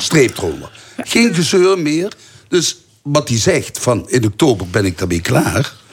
Ik acht dat best voor mogelijk. Ja, de status heeft hij ook. Hè, om nou goed, en hij, nou is gezegd van de, de opdracht van de Tweede Kamer is minderheidskabinet. Hè, daar daar gaat, gaat hij aan werken. Is het juist niet goed voor het democratisch debat om met een minderheidskabinet te werken, Sander? Want je moet dan namelijk steeds op, met argumenten... naar de Kamer. Ja, je moet, je voortdurend proberen draagvlak te vinden. Het, het vergt wat meer werk wellicht. Ik denk dat het is wel anders. Het is wel een andere uh, uh, cultuur, een andere politieke cultuur... waar iedereen de mond van vol heeft. Ik volg het wel echt als buitenstaander natuurlijk. Ik heb nooit in de politiek gezeten. Maar als ik het nu zo allemaal een beetje op een rij zet... wat ik zo voorbij zie komen in alle journaals... dan denk ik, ja, er is ook nog maar weinig mogelijk op dit moment. ik zie zelfs nog D66 afvallen. Dadelijk zijn ze met z'n tweeën over. VVD en CDA. Zou me niks verbazen dat ze dan voortdurend hè, als minderheidskabinet gaan opereren. Ik, ik, ja, maar even over, die, over de politieke cultuur. Is dat goed als een ik denk dat het, minderheidskabinet? nou, ze hebben het voortdurend over vernieuw, vernieuwde politiek. Er, is ook nooit, er zijn er nooit zoveel splinterpartijen geweest hè, in, de, in de Tweede Kamer. Ik heb eh, Caroline gisteren de hele avond op tv gezien bij een nieuw Spaanders-programma. En er zijn allemaal van dat soort eenlingen waar ook... Nee, er werd voortdurend maar gelachen ook. En net haar gelachen. En ze lacht ook lekker mee. Ze zijn er nog meer, hè. Sylvana Simons. Eh, eh, er zijn nog wat mensen in hun eentje. Ehm, eh, ja, ik denk dat het, dat het zomaar eens zou kunnen dat, het een nieuwe, eh, ja, dat, dat dit voor de komende tijd de oplossing is. Maar ja, goed, wie ben ik? Ja, je moet wel veel zitvlees hebben bij minderheidskabinet, vrees ik. Want dat worden debatten. Zoals met menigeen weet, weet ik wel iets van het verleden Ja, af. je hebt er gezeten. Ja. Heerlijk Ehm, achteraf is waar- van waar tevoren het, de eh, coalitie Waar het mij in regelen. toenemende mate aan doet denken... is aan de jaren twintig. eh, en voor sommige steden zelfs daarvoor... ehm, dat in de gemeenteraden, eh, de laatste die voor het, definitief mislopen... toen de NSB ook in Nederland behoorlijk eh, aan de weg kon timmeren... ehm, konden de grootste idioten, nou zeg ik het dus even heel zwart-wit... konden in een gemeenteraad belanden. Je kon, wanneer je populair was... omdat je iedere dag in de kroeg ging en daar geen geheim van maakte... en dus reclame maakte voor de kroeg waar je iedere avond... eh, tot diep in de nacht je neven zat te zuipen... want dat was het in die tijd voor een heleboel mensen... Ehm, dan kon je stemmen winnen. En wat, wat ik langzamerhand in dit land zie gebeuren... en dan denk ik bij mezelf, oké, blijkbaar is dat een diep dal waar we doorheen moeten... dat is dat de raarste mensen met de raarste ideeën... daarom kan ik bijna niet meer naar praatprogramma's kijken... want de grootste idioot wordt uitgenodigd om zijn mening te geven... over problemen in Afghanistan of in, eh, in New York... en of dat Biden het nou wel goed doet. En dan denk ik, jij bent toch zanger, hè? Bemoei je daar in godsnaam mee? Dus wat moet ik gaan zitten luisteren nou jouw verhaal... over of meneer Biden of meneer Obama of meneer Trump... een goede president waren, ja of nee. Die argumenten die je aandraagt, die staan... eh, kort gezegd, in elk kinderprogramma dat gaat over politiek... kan je het ook Ja, horen. maar ik wilde weten, is een Nee, dus is het minderheidskabinet... niet goed. het... is dus niet goed dat in een land waar de democratie met een evenredig vertegenwoordigingsstelsel ehm, jarenlang heeft kunnen functioneren, waardoor een heleboel beslissingen, en we moeten er nogal wat nemen. Een heleboel beslissingen, doordat men elkaar heeft weten te vinden aan de voorkant op hoofdlijnen van beleid, Mhm. dat men sneller beslissingen kan nemen. Als, als ik nu kijk wat er in de Kamer allemaal wordt geroepen, bijvoorbeeld over Europese samenwerking, hou ik mijn hart vast. Ja, Want dan ja. denk ik. dus jij bent eigenlijk meer voor de oude politieke cultuur. Nee, het is niet zozeer een oude politiek als wel dat partijen die verantwoordelijkheid nemen... En, en die moeten een bepaald draagvlak hebben... dat die aan de voorkant weten waar ze het over hebben. En als je niet weet dat wanneer je bijvoorbeeld het onteigenen van boeren... per definitie uitsluit... en je beseft niet dat je dan dus het verlenen van vergunningen voor bouwen... of het nou woningen zijn of Mhm, infrastructuur... Daar gaan we het zo over hebben. Ja, nee, maar ik bedoel, het gaat Ja, om je de snapt- verbanden... Ja, ja maar een, een, een enkeling, een, een versnipperd parlement, een enkeling, je hebt ook, jij noemt ze idioten, Ja, maar, maar je hebt ook slimme enkelingen. Je hebt ook Ik, slimme ik vind enkelingen. een minderheidskabinet heeft zeer grote voordelen. Als je van tevoren in zo'n meerderheidskabinet de zaak volledig tot in de puntjes, tot in de details vastlegt, dan wordt het een heel log gebeuren. Nu, in zo'n minderheidskabinet, heb je wisselende minderheden die een meerderheid moeten vormen. Dus iedereen die in, dat, in die Kamer zit, die kan ook op individuele basis met hele slimme ideeën komen. Alleen moet hij daar draagvlak voor zien te vinden. En dat samen maakt dat het, het, het creatieve denken naar oplossingen alleen maar beter gaat, denk ik. Ik denk dat, dat mensen zoals een, zo'n omzicht die dan in zijn eentje daar zit... en andere mensen die daar zitten die soms goede ideeën hebben... die goed vallen, die kunnen dat dan inbrengen. En dan krijg je een heel speelse manier van het oplossen van problemen. Ja, Karel, weet je wat ik nou zo leuk vind? Dat jij het over omzicht hebt. Die man die had uitstekende ideeën, ik hoor het je zeggen. Waarom heeft hij in die tijd bij al die individuele leden van de CDA-fractie en zijn eigen partij voor die leuke creatieve ideeën geen meerderheid gekregen en was het systeem daar dus niet op bedacht? En zeg ik, als je aan de voorkant op hoofdlijnen van elkaar weet, ik zeg op hoofdlijnen, je kan het over details hebben na de hand, dat bijvoorbeeld de uitvoering van het klimaatakkoord van Parijs, dat dat bovenaan de lijn staat om dat na te leven. Dat je als Nederland erbij hoort en niet op een eiland ergens op Mars ligt. Mhm. Dus je zult je eraan moeten houden. Dus je zult moeten zorgen dat die reductie plaatsvindt. Als je daar dan nog over moet gaan zitten bakkeleien met de PVV... niet bepaald een kleintje in de Tweede Kamer... en als ze zo doorgaat winnen ze nog meer zetels... dan zie ik de bui hangen. Dan denk ik, dat betekent dus dat al die partijen... die uit populistische overwegingen mee, eh, meehuilen met de wolven... dat het allemaal niet nodig is. Je kan uit de Europese Unie stappen. Je hoeft je niet aan de klimaatakkoorden te houden. is allemaal Nee, maar, niet maar, nodig. Maar chargeer je nou niet, zeg ik maar zeggen, de, de, de inbreng Volt is ook maar een klein partijtje. Maar, maar, maar die kunnen toch wel een frisse wind be- die hebben ook Die kunnen ook bijgedragen een frisse wind laten waaien als er een meerderheidskabinet zit. Kom nou toch. Dat heeft Omtzigt toch ook bewezen? Nou ja, nee. Ja, bewijst heeft- gewoon dat het kan. Nee, maar dat meerderheidskabinet, kijk, Omzicht, die zat wel in een grote partij, die op dat moment nog enige macht had. Maar eh, hij was onmachtig binnen die partij. En dat, dat bleek ook gisteren wel uit het congres. Daar werd weer braaf geklapt. Ik, ik, ik word er gewoon niet goed van, zal ik je zeggen. Echt, ah, ah, ah, en maar iedereen schouderklopjes Ja, ja, ja, geven, ja, ja, pais en vree en alles is wel goed. parochiebijeenkomsten? Prachtige vooruitzichten van wat er allemaal moet gebeuren. Maar gebeurt het ook daadwerkelijk? Nee, gebeurt het natuurlijk niet. Dat zijn allemaal mooie woorden die op, voor dat moment Mm, heel geschikt mm, waren. mm, mm. Maar zo'n partij die... Ik heb er zelf in de, in de Eerste Kamer... die, die, die fractiediscipline, die is loodzwaar. Die geeft je geen enkel Ja, maar- nee, maar kans Karel, op een nuance Nee, maar te Karel, maken. ik, ik heb dus ook een partij achter me... eh, met een partijdiscipline waar je u tegen kan zeggen. Partij van de Arbeid. Maar dat, ja, maar dat betekent dus dat je je eigenlijk hardop zegt... en volgens mij zijn we het daar dan wel weer roerend over eens... dat het partijsysteem, zoals zich dat in Nederland ontwikkeld heeft... dat dat eigenlijk op geen enkele wijze meer past... bij de wijze waarop we andere dingen in dit land organiseren... hoe we draagvlak creëren op andere terreinen met elkaar om tot iets te komen. Als je dat zegt, dan zeg ik 100% eens. Dat is precies wat ik zeg. 100% Ik- wat ik- waar ik op appelleer is op de intelligentie, de creativiteit van al die leden die gekozen zijn. En die moeten op een of andere manier moeten die een geluid kunnen laten horen. Ja, ja en, dat omdat, en die afsplitsingen in de Kamer die krijg je steeds... omdat in die partijcultuur dat niet wordt toegestaan. Ja, precies. Ja. En dan Maar dat is wel een weg die je moet En- gaan, hoor. Precies, ja. ja. Ja. Voordat maar die je- Quint, je had het er straks heel even over de jaren twintig, hè? Ja. Je bent historica. Zie Ja. jij parallellen tussen het interbellum en de tijd van nu? Maak Ja. je je zorgen over... Ja, ik maak me zorgen omdat eh, in, vandaar ook dat ik altijd heel erg hecht aan. eh zorg dat je structuur wel op orde is. Want je kan wel zeggen, we laten Gods water over Gods akkeren vloeien. Maar de Gods water over Gods akkeren vloeien periodes eindigde bijna altijd met een of andere idioot als dictator aan de macht. Dus democratie moet je onderhouden. Juist, dus democratie is een plantje dat je zorgvuldig water moet geven en regelmatig moet kijken of er geen ongedierte in zit. En dan moet je dat eruit halen. En we zitten op dit moment met ongedierte in onze democratieën. Niet alleen in Nederland, maar in de westerse wereld is het überhaupt op dit moment moeizaam. Dus wees voorzichtig met wat je doet.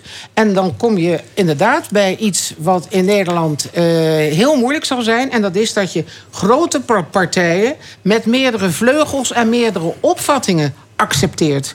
En dat je dus, wat, wat zo ongelooflijk moeilijk is... als ik dat gedoe zie tussen GroenLinks en PvdA aan de linkerkant... en dan SP wordt bijvoorbeeld al opzij gezet... dan denk ik, oké, als jullie nou het, linkse eh, gebeuren in Nederland... serieus een kans wil geven... wil je nou alsjeblieft eens ruimte maken voor meerdere opvattingen... Mm. die niet altijd hetzelfde behoeven te zijn over alle onderwerpen. Want dan, oh, nou, nou word ik dus ook boos. Goed, laten we de vaccinatiediscussie nog, eens, eh, nog eens opporren. Dinsdag is er weer een persconferentie. De kans bestaat dat het kabinet de coronapas gaat invoeren. Die heb je nodig, anders wordt je de toegang geweigerd tot het café, bioscoop, theater. Wat vinden jullie van zo'n corona-toegangsbewijs? Ja, ik, heb daar natuurlijk, ik heb er natuurlijk over nagedacht. Ik sta dadelijk weer op Pinkpop. En eh, voor, voor mij is die coronapas... eh, dat komt pas later in mijn gedachten. Ik ga dadelijk weer naar een plek waar heel veel mensen zijn. Ik heb ervoor gekozen om me te laten vaccineren. Ik heb corona gehad. Ik heb me laten vaccineren in de hoop dat ik mijn smaak weer terugkreeg. Helaas niet het geval. Maar ehm, eh, daar sta ik dan dadelijk. En hoe voel ik mij dan? Ten opzichte van iemand die daar ook staat en die niet gevaccineerd is. Diegene, we gaan dat niet uitwisselen. Ik ga niet en degene naast me vragen die bij de editor staat. Goh, en heb je ook, ben Interesseert mij ook helemaal niet. Maar het gevoel van die persoon naast mij, wat voor gevoel heeft hij? Heeft hij het gevoel, nou, zie je nou wel, ik ben er gewoon erin gekomen, ik kan me lekker niet laten vaccineren. Had ze vlak, sta hier ook gewoon. He, zonder, eh, ik vraag me gewoon af, hoe voel je je? Dat is denk ik de hamvraag. En wie weet, na vier maanden krijgen die mensen helemaal geen corona, hebben ze, of hebben ze er amper last van. Ja, zijn ze Ofwel. lijkt mij. Ofwel. Ja. En, dat, en dat is dan net het punt. Die coronapas, helaas, het is gewoon noodzakelijk. Je moet of gevaccineerd zijn, of je moet, als je dat niet wil, principieel. Hè? Je hebt grondwet integriteit van het lichaam. Dan moet je bewijzen dat je geen corona hebt door je te laten testen. Dat is vervelend. Maar als ik naar Pinkpop ga, dan ga ik op zaterdag. Vandaag is zondag. Kijk, zaterdag ga ik me laten testen. En dan laat ik daar zien. Hier, ik heb een negatieve test. En dan mag je naar Sander komen luisteren. Geen enkel Ja, probleem. nee, maar 10% van de Nederlanders wordt buitengesloten. Waarom Ja, die mogen dit- buitengesloten? die mogen die sluiten zichzelf Nee, die sluiten buiten. zichzelf buiten. Je, hebt het, je hebt moet de je- vrije keus? Ja, maar je moet je iedere keer laten testen. Ja, dat kost ja, een maar dat heleboel is- geld. dat Dus dit gaat toch Als in de zo- richting van dwang jij- of niet soms? Dit is toch Als een jij verkapte zo, zo, zo bent met je principes en daar zo aan hecht, en dat kan ik begrijpen, prima. Maar dat betekent dat wel dat je een test moet laten doen als je naar een groot festival gaat. Maar we noemen het wel gewoon verkapte dwang. Daar doen we altijd zo ingewikkeld over in Oh, Nederland. Nee, maar als het iemand is dat toch kan, een tegen kan. van- van- Zo'n stokje in de neus. Ja. Ik heb zelf zo'n zelftest ook eens Nee, gedaan. maar het is, het is Dus dwang of, of drang, of hoe je het ook noemen wil. je, het- dat je de het- druk opvoert, daar moeten we toch niet moeilijk over Maar doen. je hè? moet wel de veiligheid van de Nee, andere mensen Maar- maar- beschermen. maar zeg dan en gewoon als je dat gewoon laat rondgaan, dat virus... Want nu is het de Delta-variant, 100%. Alpha-variant is die bestaat al niet meer. 100% Delta-variant. Als je het gewoon laat rondgaan... dan worden ook de gevaccineerden weer geïnfecteerd. En straks na die Delta-variant komt weer een andere variant. De Epsilon-variant. Kijk- Weet ik wat. Kijk, wat, wat, eh, wat je op dit moment meemaakt is in versneld tempo eh, een proces wat we eh, al sinds we weten dat virussen bestaan. Dat is ook nog niet de hele mensheid gegeven geweest. Maar sinds we weten dat het zo is, hebben we dus ook allerlei eh, zaken ontwikkeld. om te zorgen dat we die onder controle krijgen. En voordat COVID kwam, was er op een paar na. En die zitten op de Bijbelbelt, geloof ik, eh, voor het grootste gedeelte.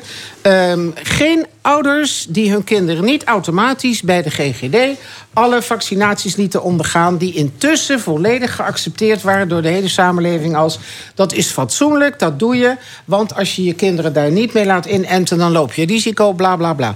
Nou, de eerstvolgende keer dat we daarna gedonder hebben gekregen. dat was bij de kinderopvang. Eh, dat ouders vonden eh, dat ze het recht hadden om hun kind daar wel te plaatsen. Ook al waren ze niet gevaccineerd tegen rode hond en mazelen en noem de hele handen maar op. Dat ik heb stond aan de kant van de kinderopvangorganisatie toen ze zei: ja, maar dat gaan we niet doen. Want eh, wij nemen die verantwoording niet. Want als dan dadelijk meerdere kinderen worden eh, besmet, dan hebben wij de verantwoording daarvoor genomen. Dus het spijt ons, maar dan kan je dat kind bij ons niet plaatsen. Ehm, die hele principiële discussie is toen voor het eerst gevoerd. Is het je individuele recht om nee te zeggen... als je daarmee het risico vergroot dat medemensen... eh, in dit geval waren het kinderen... eh, daardoor besmet worden? En ik heb nu weer het gevoel dat we in onze samenleving...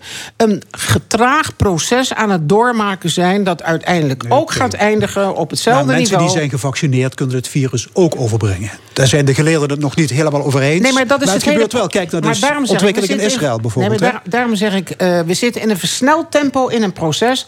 waar we eerder altijd heel veel jaren voor nodig hadden... omdat dan wetenschappelijk van alles onderzocht was. Maar dat is een drogredenering voor ons, wat je nu zegt. Het spijt me. Want het feit dat die, dat is net de uitkomst van die ellende. Het feit dat mensen die gevaccineerd zijn toch het virus kunnen gaan dragen en kunnen verspreiden, dat betekent gewoon dat er nog te veel virus rondgaat. En als nou al die mensen gevaccineerd waren, dan ging geen virus meer rond. En dan konden die mensen ook niet meer zoveel virus bij zich hebben dat ze anderen kunnen infecteren. Dat is dan net de clue van het geheel.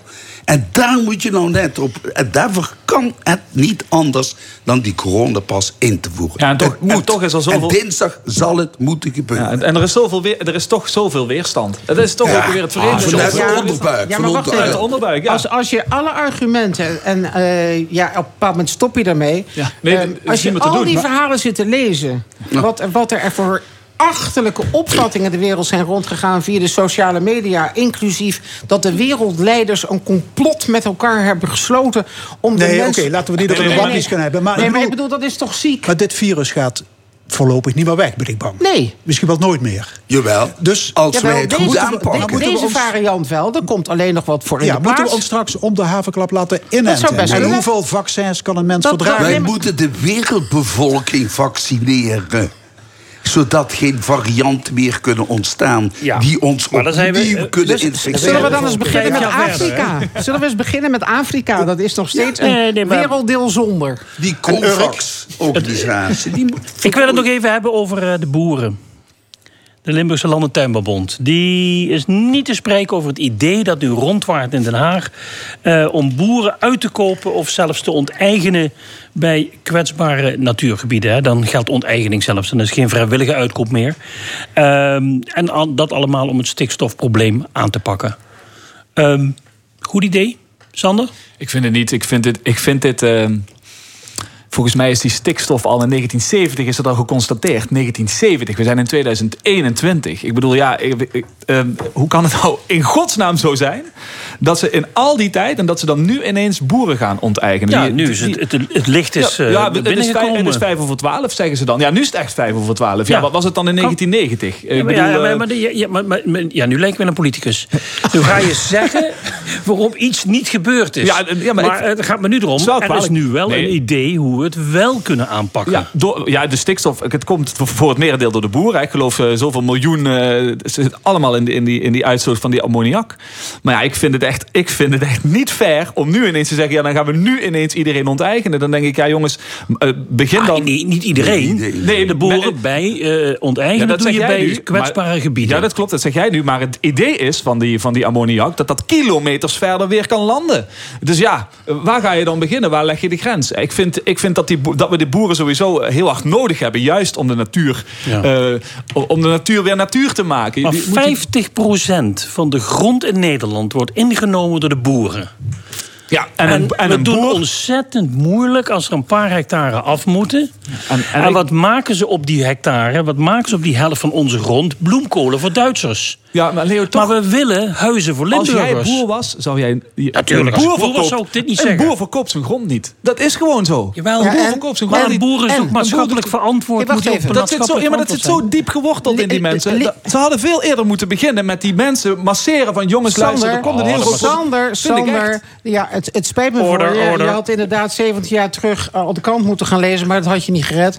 Nee, Ehm, had ik niet gered, Kijk, nee. wat, wat, wat we natuurlijk met z'n allen als geschiedenis hebben, en dat is ook weer geschiedenis, kan het ook niet helpen. Bij het creëren van de Europese Economische Unie, later omgevormd tot de EU, ehm, is het grootste gedeelte van alle subsidies die altijd vanuit Brussel werden verstrekt aan bepaalde sectoren, gingen naar de boeren. En dat had te maken met een toenmalige opvatting over welke betekenis de landbouw had in de Europese landen die lid waren van die Europese Unie. Eh, tegenwoordig schijnt het een hobby van de Nederlandse boeren ook te zijn om te suggereren aan de Nederlanders dat alles wat ze doen, dat dat belandt via Albert Heijn bij ons op het bord. Forget it. Het overgrote deel, en dan sluit ik me aan bij eh, Leo Hoebe, ehm, gaat naar de andere landen, gaat over de oceanen, naar god nog weten wie allemaal. Dus ze produceren niet primair voor de Nederlanders. En dat zijn ze gaan doen, en daar zijn we weer met z'n allen bij geweest.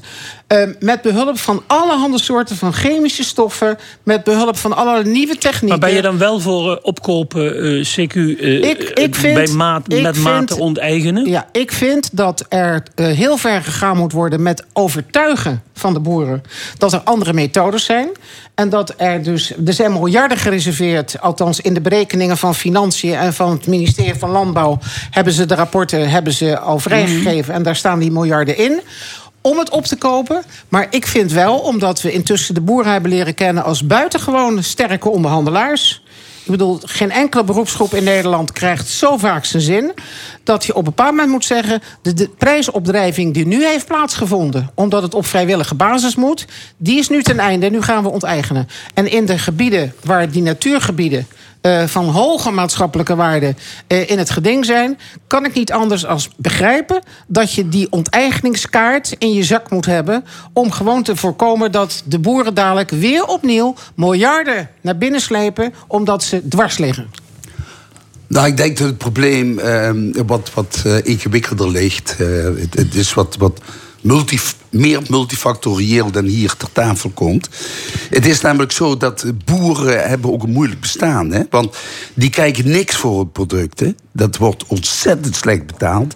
Er zitten heel veel schotten tussen die ook nog allemaal daaraan moeten verdienen... voordat het uiteindelijk op welk bord dan ook komt. Voedsel hebben we nodig, helaas. En zeker met de groeiende wereldbevolking... hebben we steeds meer voedsel nodig. Dus die boeren krijgen geen rabbekrats voor hun producten. Dus wat hebben die gedaan? Geëxpandeerd. Zoveel mogelijk producten uit een vierkante meter grond uitputting van de bodem, gebruik van chemicaliën, gebruik van eh, eh, eh, allerlei stikstofproducten, natrium, kalium. Hebben we noem op, goed alles wordt hè? allemaal. Ja. En wij vonden het allemaal goed, we hebben dat laten gebeuren. Dus daar moet er iets aan gebeuren. Ja, maar nu, de, de- je vergeet, je vergeet is- wel, ik vind dat je wel het economische ac- aspect hier vergeet. Door meer en meer te produceren ontstaat er overaanbod en dalen de prijzen. En vervolgens wordt er dalen geklaagd, de prijzen, wordt er die prijzen- geklaagd over de, lage de prijzen. winst daal- de prijzen dalen voor de boer. Maar de winst wordt de gemaakt door de supermarkten, door eh, allerlei andere tussenketens die, daar de- Ja. die Ja, daartussen maar- maar- zitten maar- natuurlijk. maar- maar Karel- en dat zijn met name de Ja, supermarktenketens. maar Karel, maar wat je nu vergeet mede te delen... is dat wij westerse wereld er kampioen in zijn geweest... om hier, laten we de tomaten even nemen... wij gaan per se tomaten kweken in kassen. Terwijl er landen zijn waar je dat gewoon met de zon Ja. kan. Dus daar moet je naar kijken, hoe je dat moet juist. doen. En dan dus, maar, en dat, maar dat is één deel. Tweede deel Maar daar moet je is... wel voor openstaan, dat, hè? dat stikstofprobleem, die bodemkwaliteit... die is wel degelijk van zeer groot belang. Dus in precaire gebieden...